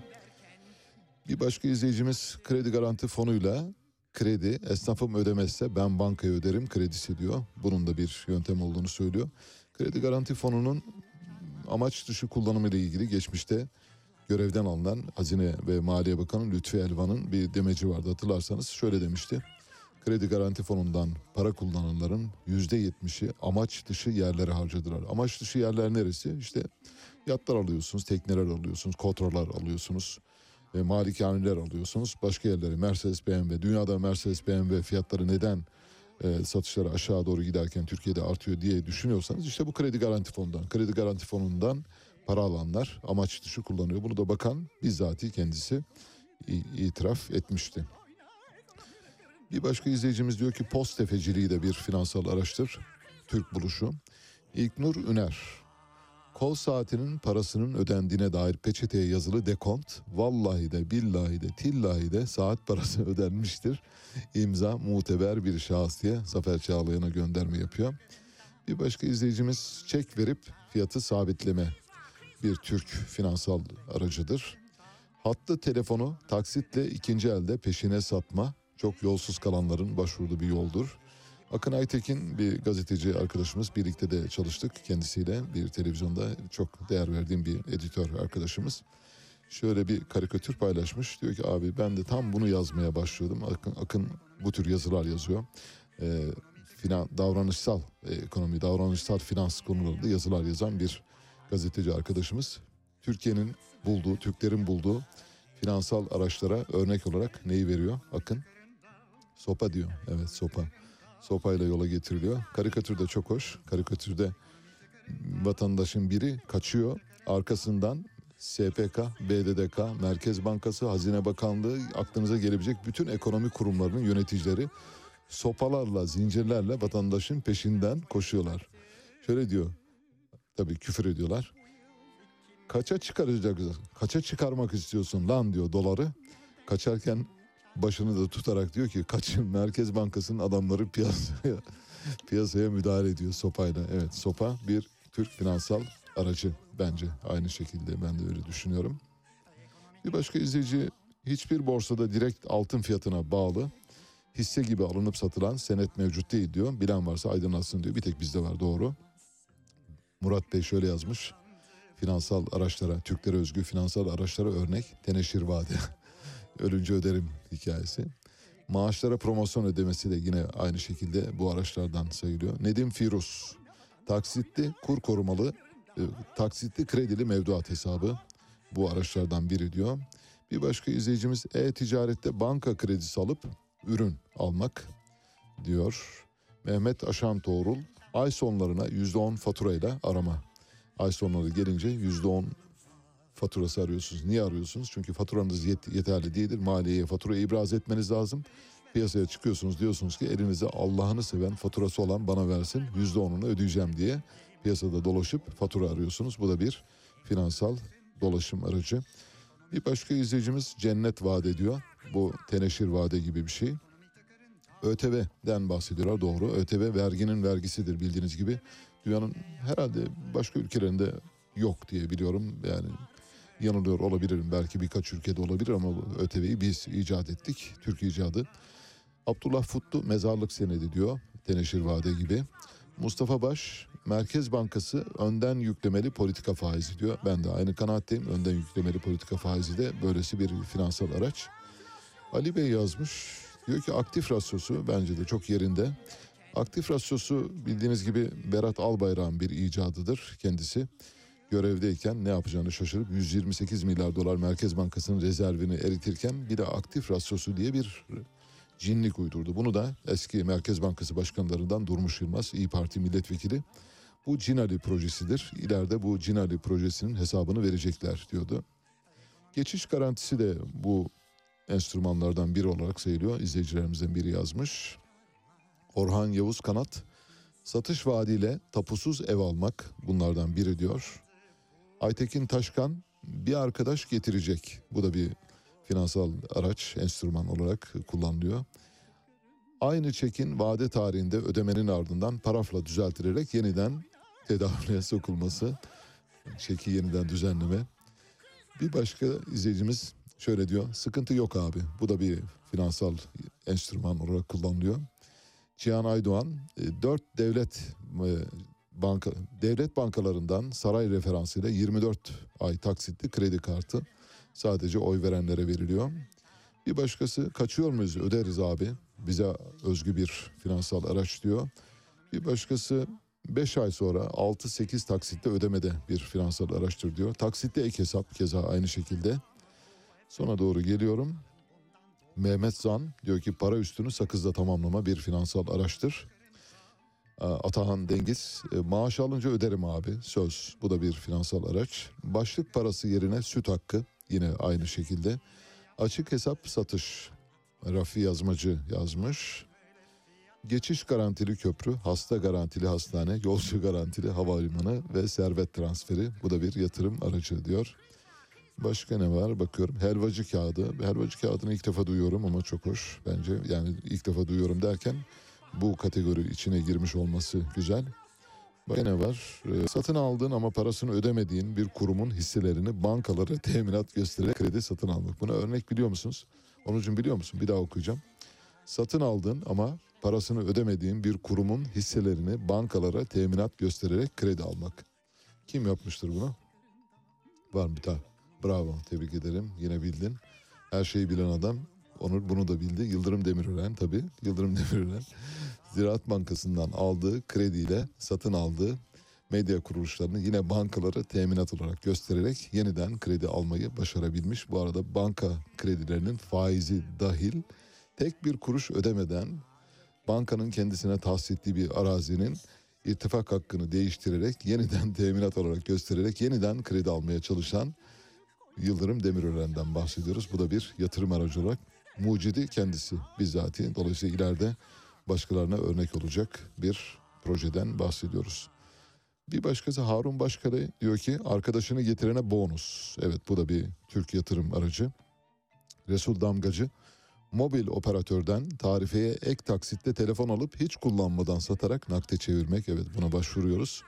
ÖTV'nin KDV'sini ödemek. ÖTV zaten kendisi uydurma bir vergi. Bir de ÖTV'nin KDV'sini alıyorlar. Verginin vergisinin vergisinin. Yani tavşanın suyunun suyunun suyu. Fikret Çeker diyor ki üzerimde Hint parası var sen öde sonra bakarız diyor. Bu biliyorsun lokantalarda yemek parası ödenirken sık başvurulan yöntemlerden bir tanesi. Bir başka izleyicimiz şöyle diyor. Vallahi zararına satıyoruz, kapatıyoruz, battık. Bunların da bir pazarlama yöntemi ve finansal e, enstrüman olduğunu söylüyorlar. Ben de aynı kanaatteyim. Geçiyoruz. Başka ne var? Açık hesap kravatsız mal satımı diyor Bülent Yurtseven. Onlardan örnek veriyor. Harman sonu vade yine Özgür Bey'in önerisi olarak önümüzde. Bora Bey diyor ki fiş almasam kaça mal olur? Bu da bir finansal ödeme aracı. Başka ne var? Kamu Bankası kredisiyle medya grubuna çökme sistemi Yıldırım Demirören modeli. Yıldırım Demirören modeli bu defa başka bir tanımlamayla karşımıza çıkmış durumda. Bu arada buna Yıldırım Demirören modeli diyerek haksızlık ediyoruz. Bütün havuz medyası bu yöntemle alındı. Havuz medyasındaki bütün satın almalar ya da çökmeler bu yöntemle oluşturulmuştur. Dolayısıyla Yıldırım Demirören tek başına değil. Orada yalnız olmadığını belirtelim. Diğer bütün havuz medyası patronları bugüne kadar gelmiş geçmiş 2000'li yılların başından bugüne kadar tüm havuz medyası patronlarının aynı yöntemi kullandığını biliyoruz. Başka ne var? Faiz sebep enflasyon sonuç diyor Özgür Efe. Aynı kanaatteyim. Faiz sebep enflasyon sonuç algoritmasının patenti Cumhurbaşkanı Recep Tayyip Erdoğan'a aittir. Tarih ileride bunu yazacaktır. İleride iktisat tarihi yazıldığı zaman vallahi böyle şeyler yapmışlar zamanında. Acaba böyle şeyler yapıldığı zaman diğer otoriteler ya da diğer insanlar acaba ne düşünüyordu? Neden buna engel olmadılar demiş olabilirler. Başka ne var? Bakıyorum bir iki şey daha. Banka patronların bu ha bu çok güzel. İsmail Ersoy yazmış. Banka sahibi patronların birbirlerine diğer bankalardan kredi kullandırması back to back dedikleri bu 2001 krizine giderken bütün bankacıların başvurdukları yöntemlerden biriydi. Örneğin A bankasının sahibi B bankasının sahibine kredi veriyor. Sonra B bankasının sahibi A bankasından aldığı krediyi geri veriyor. Böyle aralarında bir değiş tokuşla yıllarca böyle idare ettiler. Bu arada kendi bankalarının içini de boşalttılar. Yani birbirlerine kredi verirken kendi bankalarının içini boşaltıyorlar. Ayrıca kendi bankalarının içini boşaltırken sanki işlem yapılmış gibi birbirlerine kredi vererek işlem piyasasında bir hacim yaratmaya çalışıyorlar. Türkiye 2001 krizine bu sözünü ettiğimiz İsmail Ersoy'un yazdığı finansal enstrüman yüzünden girdi maalesef. Mehmet Hakan üstümde nakit yok sen verebilir misin diyor. Ve Başka bir yolla izah etmiş. Kontör satışı da bir finansal araç. Doğru ben de aynı şekilde. Türklere özgü tabii bunlar. Bakkal defteri aynı şekilde. Tefeci faizi aynı şekilde. Tamer Halis, Halis Demir yazmış. Çok güzel bu. Takatuka. Bu uygulamaya mal takası diyoruz. Özellikle oto yedek parça pazarında tatbik edilmektedir. Yani barter'dır diyor. Bir şey veriyorsunuz karşında başka bir şey alıyorsunuz. İşte tampon veriyorsunuz, lastik alıyorsunuz. E, motor yağı veriyorsunuz yerine başka bir şey al, krank mil alıyorsunuz. Neyse böylesine takatuka dedikleri bu. Evet güzel. Sonra geldik. Tolga Bildirici diyor ki taksitte alıp peşin satmak bu da bir Türk enstrümanı yatırım aracı diyor.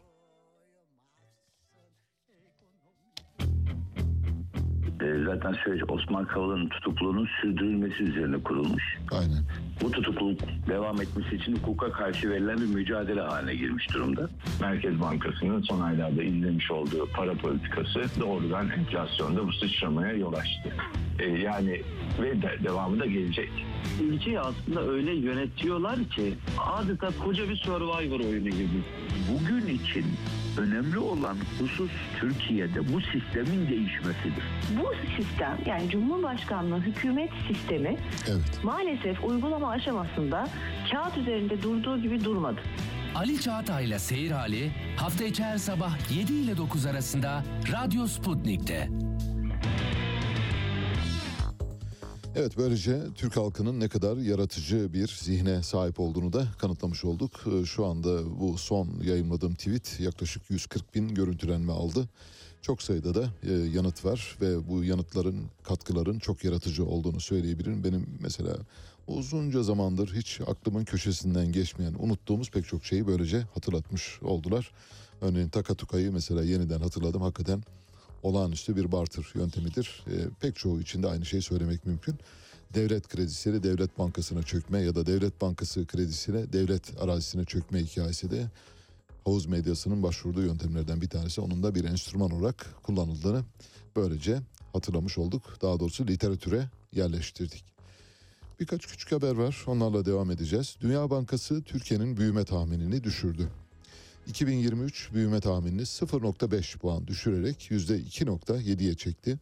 2024 tahminini değiştirmedi ve %4'te bıraktı. Dünya Bankası'nın Türkiye'nin bu yıla ilişkin büyüme tahmini %5 civarında.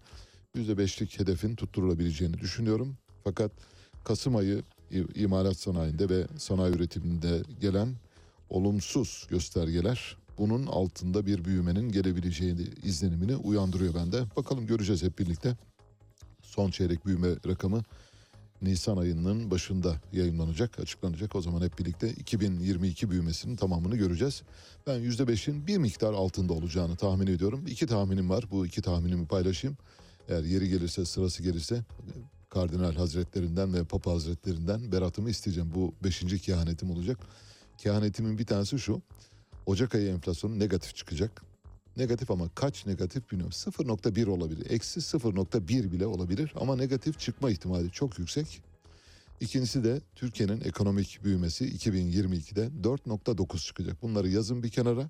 Eğer çıkarsa buradan Papa Hazretlerine beratımı artık gönderin diye ilan edeceğim. Bu, bu kadar kehanet, bu kadar mucizeden sonra artık beni engelleyemezsiniz, tutamazsınız demek zorundayım.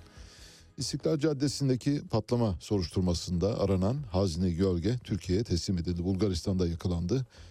Bildiğiniz gibi Emniyet Genel Müdürü Interpol Daire Başkanlığı'nca 7 Ocak'ta Bulgaristan Interpol biriminden e, Hazine Gölge'nin yerinin tespitinin yapıldığı ve sınır dışı edilmesi talep edildi. Bulgaristan Interpol yetkilileri de görüşmeler sonunda yakalanan Hazine Gölge'yi dün itibariyle Kapıkule sınır kapısından Türkiye'ye sınır dışı ettiler ve emniyet güçlerine teslim edildi. Bu arada tabi bombalama olayının birçok karanlık noktası olduğunu görüyoruz. Yani sanıkların ya da zanlıların bir bir ele geçirilmiş olması hiçbir şey ifade etmiyor.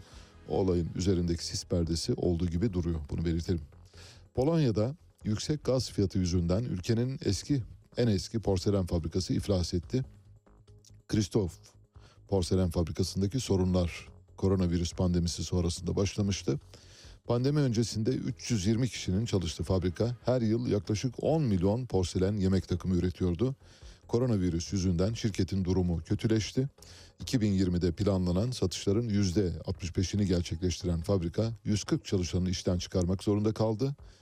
Valbris Belediye Başkanlığı'ndan yapılan açıklamada ne yazık ki Kristof Porselen Fabrikası'nın tasfiyesiyle ilgili bir dönem kapanıyor.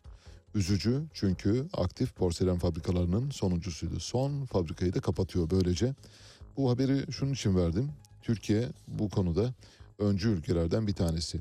En büyük rakiplerimizden biri de Polonya. Polonya'daki rakiplerimizin bir bir tasfiye olduğunu görüyoruz. Bu Türk porselen, seramik, Çin'i ve benzeri sektörler için umut verici bir şey. Elbette başkalarının yoksunluğu ya da yoksulluğu üzerinden kar devşirmek ya da fırsat devşirmek çok doğru bir şey değil ama Polonya şu anda Türk porselen sektörünün Avrupa'daki hatta dünyadaki en büyük rakiplerinden biri.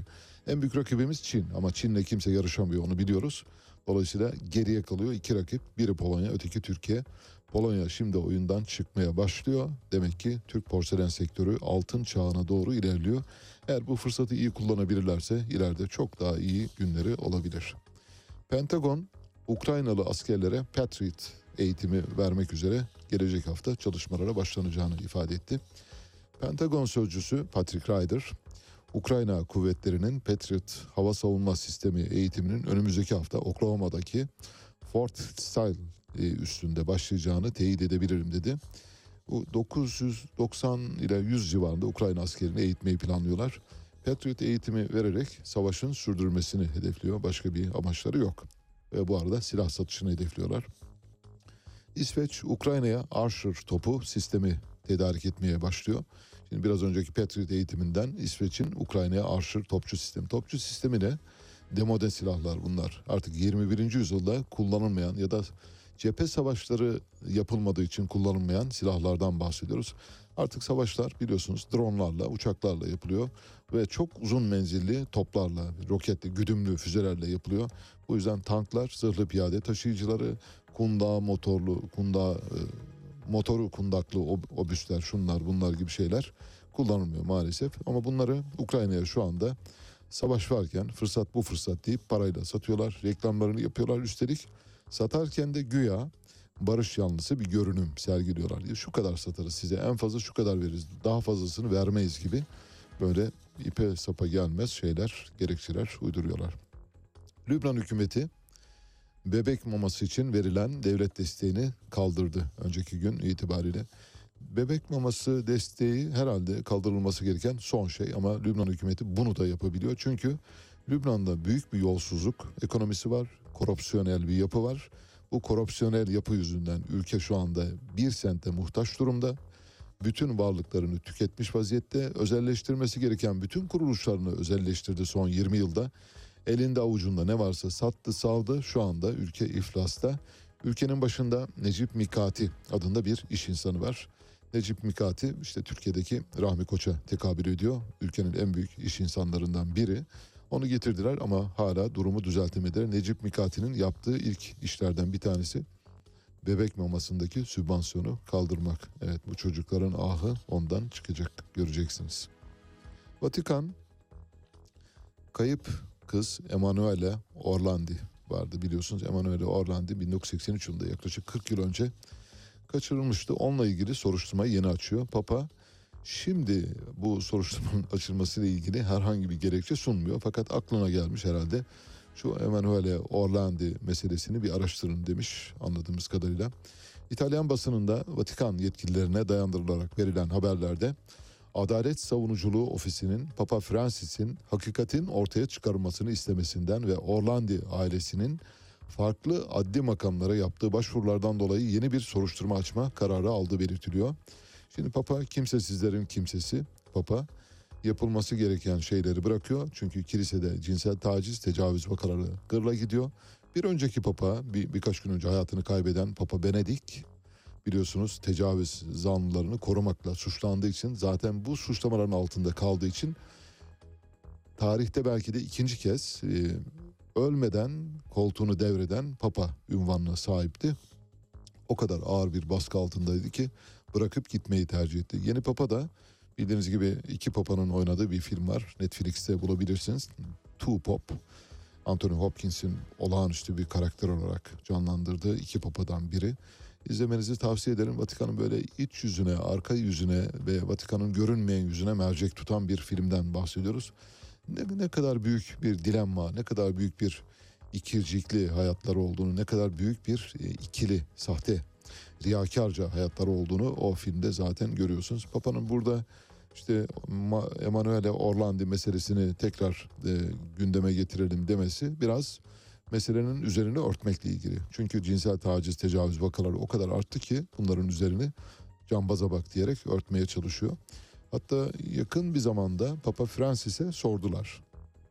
Orlandi'nin ağabeyi geldi dedi ki Pietro Orlandi kız kardeşim nerede biliyor musunuz dedi Papa Hazretleri. Papa elini kaldırdı göğe doğru işaret parmağıyla dedi ki gökte meleklerle şu anda meleklerle yan yana görüyorsunuz değil mi? Ölmüş. Sonra da arkasından diyor ki şu Orlandi meselesini bir araştırın. Yani belli ki orada bir rahatsızlık var. Bir rahatsızlık ortaya çıktığını gördü ve bu da yayılıyor kamuoyunda.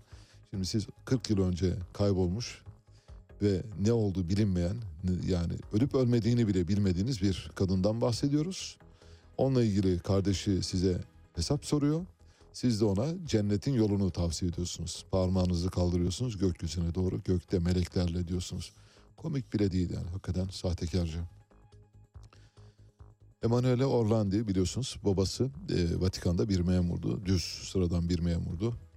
Haziran 1983'te 15 yaşındayken esrarengiz bir şekilde ortadan kayboldu ve kendisinden bir daha haber alınamadı. Emanuele Orlandi'nin Papa II. Jean Paul suikastinin zanlısı Mehmet Ali Avcı'nın İtalya'da hapiste olduğu dönemde serbest bırakılması için kaçırıldığı ileri sürülmüştü. Bu tez sonradan çürütüldü. Dolayısıyla o döneme özgü bir tezdi. Hani Orlandi olayının üzerini kapatmak için işte Mehmet Ali Avcı falan Türk mafyası şunlar bunlar üzerinden bir plan denendi. Sonra bunun doğru olmadığı Mehmet Ali Ağcan'ın uydurması olduğu söylendi. Mehmet Ali Ağcan'ın kendisi bir şizofrendir bu arada onu da belirtelim. Yani hani böyle çok olağanüstü yetenekler bahşedilen bir kişi değil. Sıradan bir tetikçi sadece kullanılmıştır o kadar. Çok fazla bir şey de bildiğini zannetmiyorum. Hatta hiçbir şey bilmediğini biliyorum öyle söyleyelim. Çok yakından tanıyorum. Hem kendisini hem ailesini tanıyorum o bakımdan. Böyle büyük roller biçiliyor. İşte her şeyi bilen adam konuşsa bir gün her şey çözülecek. Öyle bir şey yok. Hiçbir şey bilmiyor. Ona bir tabancayı verdiler. Abdi İpekçi'yi vur dediler. Ona bir tabanca verdiler. Git Papa ikinci Jean Paul'ü meydanda vur dediler. Vurdu. Bu kadar basit. İyi bir tetikçiydi sadece o kadar. Başka da bir numarası yok. Ve Emanuele Orlandi'nin yaşadığına ait olduğu iddia edilen kemiklerinin bulunduğuna dair zaman zaman iddialar ortaya atıldı. Bu Rus e, son prensesi Romanov hanedanının e, kayıp kızı Anastasya hikayesi gibi Anastasya'da böyle her 5 yılda bir Anastasya bulundu. Anastasya görüldü. Anastasya'nın izlerine rastlandı. Anastasya filan yerde yemek yiyor gibi haberler çıkardı. Batıdaki bulvar basında. Bunların hepsinin asparagas olduğu ortaya çıktı. Bu da öyle. Hemen öyle Orlandi ile ilgili de zaman zaman filan yerde kemikleri bulundu. Falan yerde Orlandi'ye benzer bir kadın görüldü. Orlandi olsa olsa budur gibi haberler yayılıyor. Şimdi Papa Hazretleri Emanuele Orlandi'nin olayının araştırması için talimat verdi. Amerika'da bir mahkemede ilk kez yaşanan bir olaya tanıklık ediyor dünya. Bir yapay zeka robotu avukat yerine oturdu ve müvekkilini savundu. Şakır şakır da savundu. Çok da iyi bir savunma yaptı bu arada söyleyelim. Ve yapay zekanın avukatların yerini alıp almayacağı bilinmiyor. Bugün bu arada bendenizde bugün bir duruşma için gideceğim. Böyle kravat falan taktığıma bakmayın. Yani normalde e, işte hakim karşısına çıkacağız. İyi halden bize belki hani şey yapar da acır da daha düşük bir ceza verir diye hem bir ceza davası var hakkımda hem de bir tazminat davası var.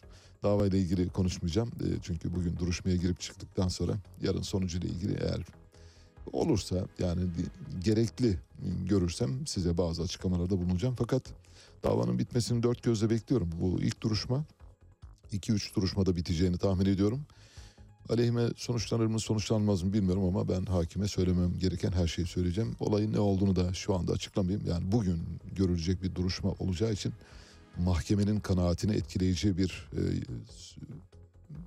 konuşma olabilir diye o yüzden kendimi şurada sınırlıyorum. Burada kapattım defteri. Peki gelelim yapay zekalı avukata.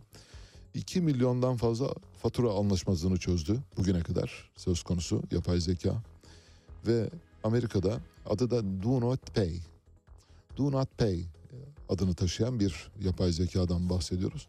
Şimdi Amerika'da tartışılan şu. Acaba avukatların sonu geliyor mu? Yani bundan sonra avukatlık mesleği ölecek mi diyor. Bir de savları dinliyor, analiz ediyor. O analize göre yeni bir savunma kuruyor. Celse aralarında bir e, istihareye yatıyor öyle söyleyelim. Dönüyor ve e, geçen celsede olan şeylerin e, şu bölümleri doğru değildir, rasyonel değildir gibi son derece böyle akılcı, rasyonel çıkarsamalar yapan bir yapay zekadan bahsediyoruz. Avukatlar bu konuda tedirgin. Yani şu anda New York Ba- Barosu'nda titreme günleri başlamış durumda. Amerikan Temsilciler Meclisi yeni kurallarla görevine başladı. Cumhuriyetçilerin çoğunlukta olduğu Amerikan Temsilciler Meclisi'nde önemli değişiklikler içeren yeni bir meclis iş tüzüğü kabul edildi. İş tüzükte pandemi döneminde getirilen bazı kısıtlamalar vardı. Bunları ortadan kaldırdı Amerikan parlamentosu. Mesela pandemi döneminde işte dışarı çıkamayan, çok yaşlı olduğu için maskeyle ve izolasyonda yaşayan insanlar vekaleten oy kullanma uygulaması getirmişlerdi yaşlı üyeler için özellikle. Bu vekaleten oy kullanma uygulaması kaldırıldı dün itibariyle. Ayrıca federal harcamaların kısa, kısıtlanması kapsamında 80 milyar dolarlık bir ek bütçe vardı. Bir önceki başkan tarafından açıklanan o ek bütçeyi iptal etti yeni parlamento. Ve Amerikan tarihinde son 100 yılda ilk kez 15 oylamanın sonunda bir başkan seçildi bildiğiniz gibi. İşte o başkan bu kararları aldırıyor. Cumhuriyetçi Kevin McCarthy yeni başkan parlamentonun 15 oylamanın sonunda en sonunda bir uzlaşıya vardılar. Yeni tüzük uyarınca meclis başkanının görevden alınması için artık yalnızca bir üyenin oylama çağrısı yeterli olacak. Bu da başkanı korumasız duruma getiriyor. Zaten o koşulla seçildi. Dediler ki eğer gelirsen bu düzenlemeyi getirirsen seni seçeriz dediler. O da tamam dedi ve koltuğunu riske etme pahasına seçimi kazanmayı yeğledi. Amerikan Başkanı Joe Biden'ın eski kişisel ofisinde bazı gizli belgeler bulundu. Joe Biden'ın danışmanlarından Richard Sauber, Biden'ın kurucusu olduğu Penn Biden merkezindeki kişisel ofisinde 2009-2017 yılları arasında başkan yardımcılığı görevi sırasında kalan bazı gizli bilgiler içeren az sayıda belgenin bulunduğunu ifade etti. Acaba giderken unuttu mu diye soranlar var. Giderken unuttuysa buna kim inanır diye söyleyenler var. Ayrıca bu bir House of Cards'ın yeni versiyonu mudur diye konuşulanlar da var. Amerikan kamuoyunda bunlar konuşuluyor. House of Cards'ın yeni şeyi çekiliyor şu anda. Amerikan Başkanı Joe Biden'la Brezilya lideri Lula da Silva telefonda görüştüler. Biliyorsunuz Amerikan Başkanı Lula da Silva'yı seçimi kazanmış sosyalist başkanı düşürmeye çalışıyor. Bir yandan da diyalog kapısını açık tutuyor. Çünkü biliyorsunuz bir şekilde diyalog halinde olmayı istiyor. Görüşme sonrasında Jair Bolsonaro'nun iadesi dahil pek çok konunun görüşüldüğünü söylüyor. Amerikan Dışişleri Bakanlığı Sözcüsü Ned Price. Jair Bolsonaro'yu vermeye hazırız ancak henüz özel bir talep ama daha ne desinler ki Jair Bolsonaro'yu bize veriniz diyor. Jair Bolsonaro ülkeyi kan gölüne çeviriyor şu anda. Ülkede parlamento işgal edildi. Sokaklarda insanlar birbirlerini öldürüyor. Ama siz Jair Bolsonaro ile ilgili herhangi bir iade talebi olmadı diyorsunuz. İade talebi olmasına gerek yok. Zaten iade etmeniz gereken bir insandan bahsediyoruz. Bu arada Ned Price şöyle diyor. Şiddet asla çözüm değildir diyor Brezilya için söylüyor. Brezilya'nın demokratik kurumlarına her zaman olduğu gibi desteğimiz tamdır. İster diplomatik kanallardan ister kolluk kanallarından gelsin.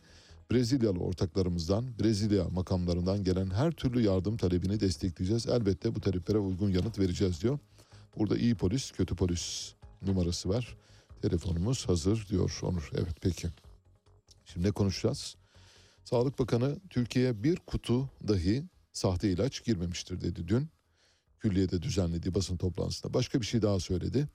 Bazı ülkelerden işte uzak doğu ülkelerinin bazılarından Türkiye'deki ilaçların eş değeri olan jenerik ilaçların uygun fiyatlarla Türkiye'ye e, sokulmasıyla ilgili bir süreç var. Buradan çıkarları halaldar olan bazı kişiler yani çıkar odakları bu haberleri çıkarıyor. Oysa Türkiye'de sahte ilaç yoktur ve biz ilaç fiyat denetimini de çok iyi yapıyoruz diyor. Bakalım öyle mi değil mi?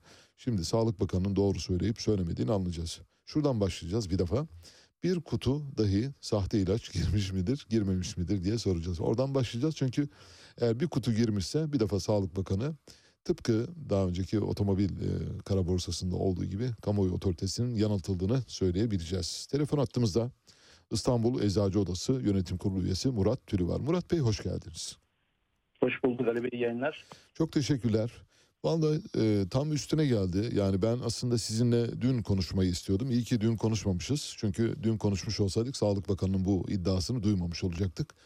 Dolayısıyla dün e, külliyede düzenlediği basın toplantısında aynen şöyle dedi. Ben yayının başında da belirttim. Türkiye'ye bir kutu dahi sahte ilaç girmemiştir diyor.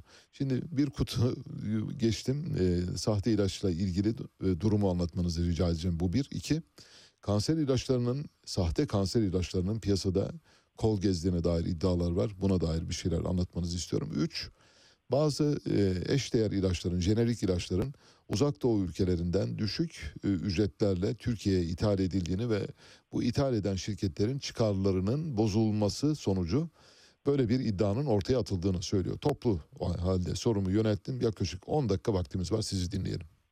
Tamamdır Ali. Ben de topluca öncelikle bu ruhsatlanma sürecinden bahsederek girmekte fayda var.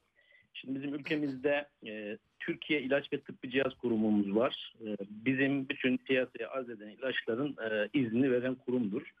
E, bunu da ikiye ayırmak lazım. Bizim ülkemizde e, üretilen ve ruhsat alan ürünlerle yurt dışından ithal edilen ürünler için ruhsatlandırma süreci vardır. Evet. İlaç ve e, Türkiye Tıbbi İlaç Cihaz Kurumu'nda ruhsatlanma dairesi var. Genelde e, bu e, onay buradan alındıktan sonra arz edilir.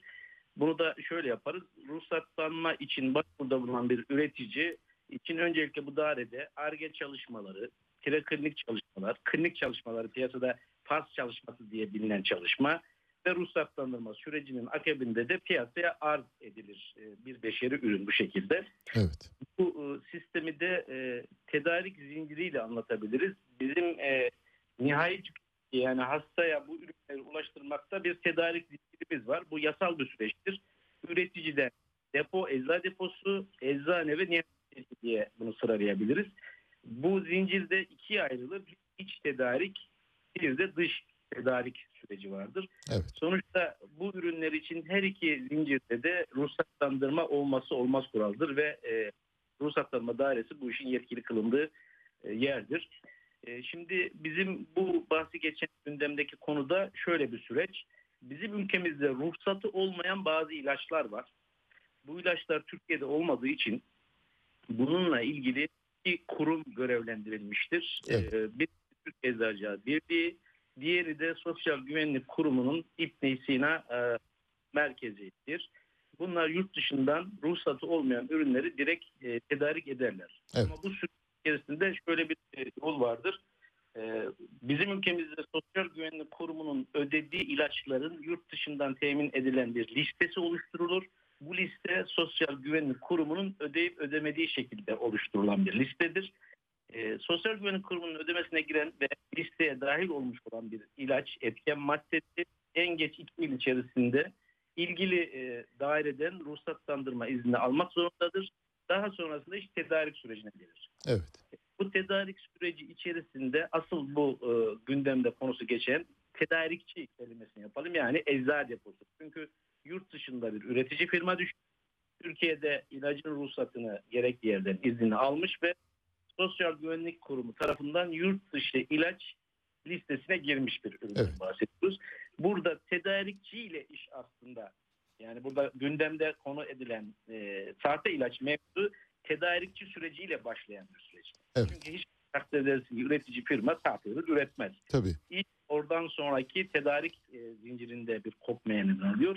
Zaten bu e, hani siyasi el yapısı içerisinde daha önce yer almış bulunmuş ve bu tür işlerle uğraşan kişilerin de bu e, yurt dışı ilaç temin listesine sokmaya çalıştığı ve sokmayı başardığı listede yer almayı başardığı ilaçlardan bahsediliyor. Bu e, sistemde işte bu yurt dışı ilaç sistemine dahil olmaktan geçiyor. Bir e, üret e, bu tedarikçi e, bu listeye bir ruhsatlı ürünü e, Sosyal Güvenlik Kurumu'nun ödeyeceği sisteme e, dahil ettikten sonra ürünü ithal ediyor. Tamam. Peki. İthal etme süreci içerisinde zaten sahte ürünle karşılaşması. Şimdi e, Sayın Bakan'ın açıkladığı gibi nihai tüketiciye bu ürünlerin ulaş, ulaşmadığı yönünde bizim bir bilgimiz yok. Ama biz eczacı olarak şunu söyleyebiliriz. Hastanın tedavi sürecinde hele hele onkolojik e, bir ilacın hastanın bu adı bile e, kanser hastası dediğimizde adı bile e, insanın tüylerini irit eden bir hastalık tablosunda e, düşünebilir misiniz? Ve ciddi bir e, hayali var, tedavi olma hayali var ve e, korkuları var.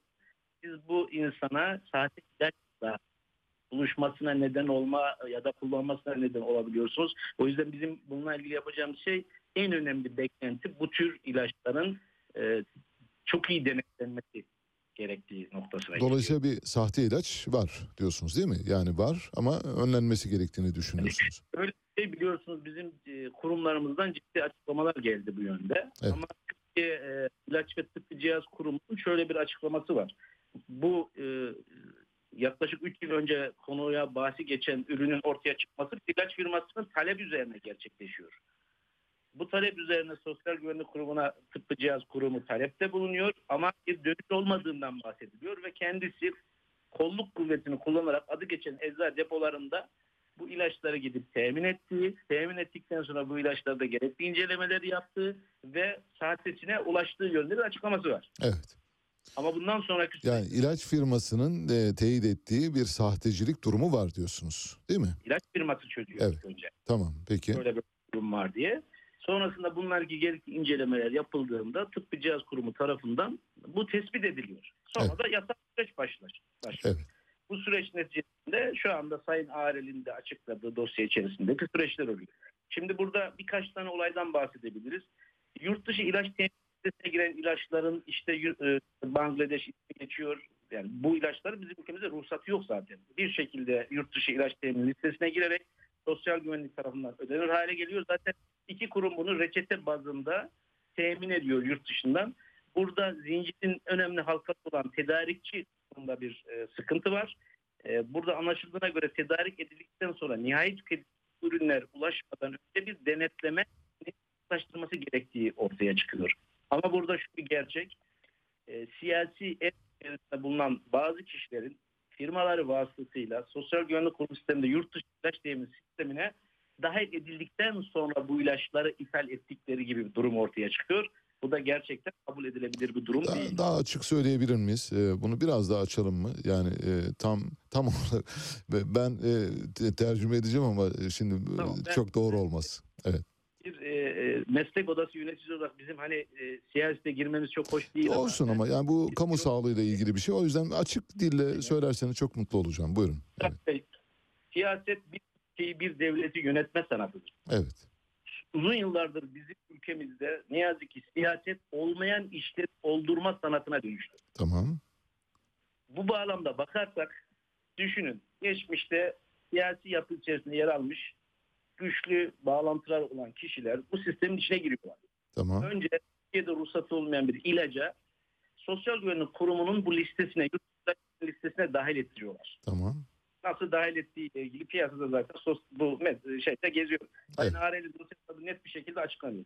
Daha sonrasında ürünün ödeme koşulları gerçekleştikten sonra ithalat izni koşulları ithal ediliyor ve bu şekilde Türkiye'ye sokuluyor ve nihayetine ulaştırılıyor. Evet. Burada bu yapan kişilerin isimleri de zaten geçiyor. Ama burada genel anlamda şunu söyleyebiliriz. Ee, biz hastamızın doğru tedavi almasını, hastamızın tedavi sonucunda sağlığına kavuşmasını arz ederiz. Ama ne yazık ki Dünya Sağlık Örgütü de aslında bununla ilgili bazı açıklamaları var. Son dönemlerde her 10 ilaçtan birinin sahte olduğu gibi bir e, açıklamaları var. Ne yazık ki bizim ülkemizde de aslında bu rakam çok yüksek. %25 olduğu söyleniyor ilaçlar. Sahte ilaç oranının yüzde 25. Hele hele son zamanda bizde ilaçtan çıkarılıp da e, gıda takviyesi e, Doğru. yani çıkarıp gıda takviyesine düşünenlerinde her iki üründen bir tanesinin sahte olduğu bir gerçeği var. İnternette satılan ilaçların ciddi sahte olduğuyla ilgili bizim karşılaştığımız çok ciddi durumlar var.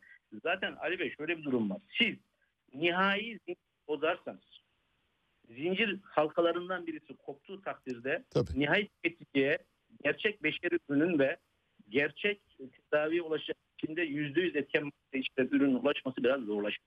Aynen. Daha Peki. Kanser ilaçları o kadar pahalı ki ne yazık ki bazı insanları e, e, gözü doymuyor bu para hırsından dolayı. Çok ciddi rakamlar dolaşıyor ve e, sahtesine giriyorlar ve bizim Peki. bu denetim sıkıntımız yüzünden de bu durumlarla karşı karşıyayız. Peki Murat Bey çok teşekkürler. Ee, son derece açık biçimde ifade ettiniz. Sağ olun eksik olmayın. İstanbul Eczacı Odası Yönetim Kurulu üyesi Murat Türü ile konuştuk. Sonuç son derece açık. Ee, Sağlık Bakanı Fahrettin Koca tek bir kutu e, dahi sahte ilacın piyasaya girdiğini kimse iddia edemez dedi.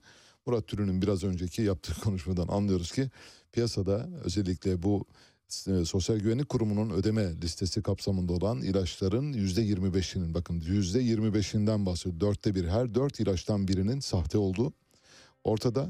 Ayrıca gıda takviyesi kapsamına sokularak ilaç listesinden çıkarılan ilaçların da her iki ilaçtan birinin sahte ve kullanılamaz olduğunu biliyoruz dedi. Daha bundan daha büyüğü olamaz herhalde. Bundan daha büyük bir skandal olamaz. İnsan sağlığını ilgilendiren en önemli alanda. Bırakın bir kutuyu %25 gibi oranlardan bahsediyoruz.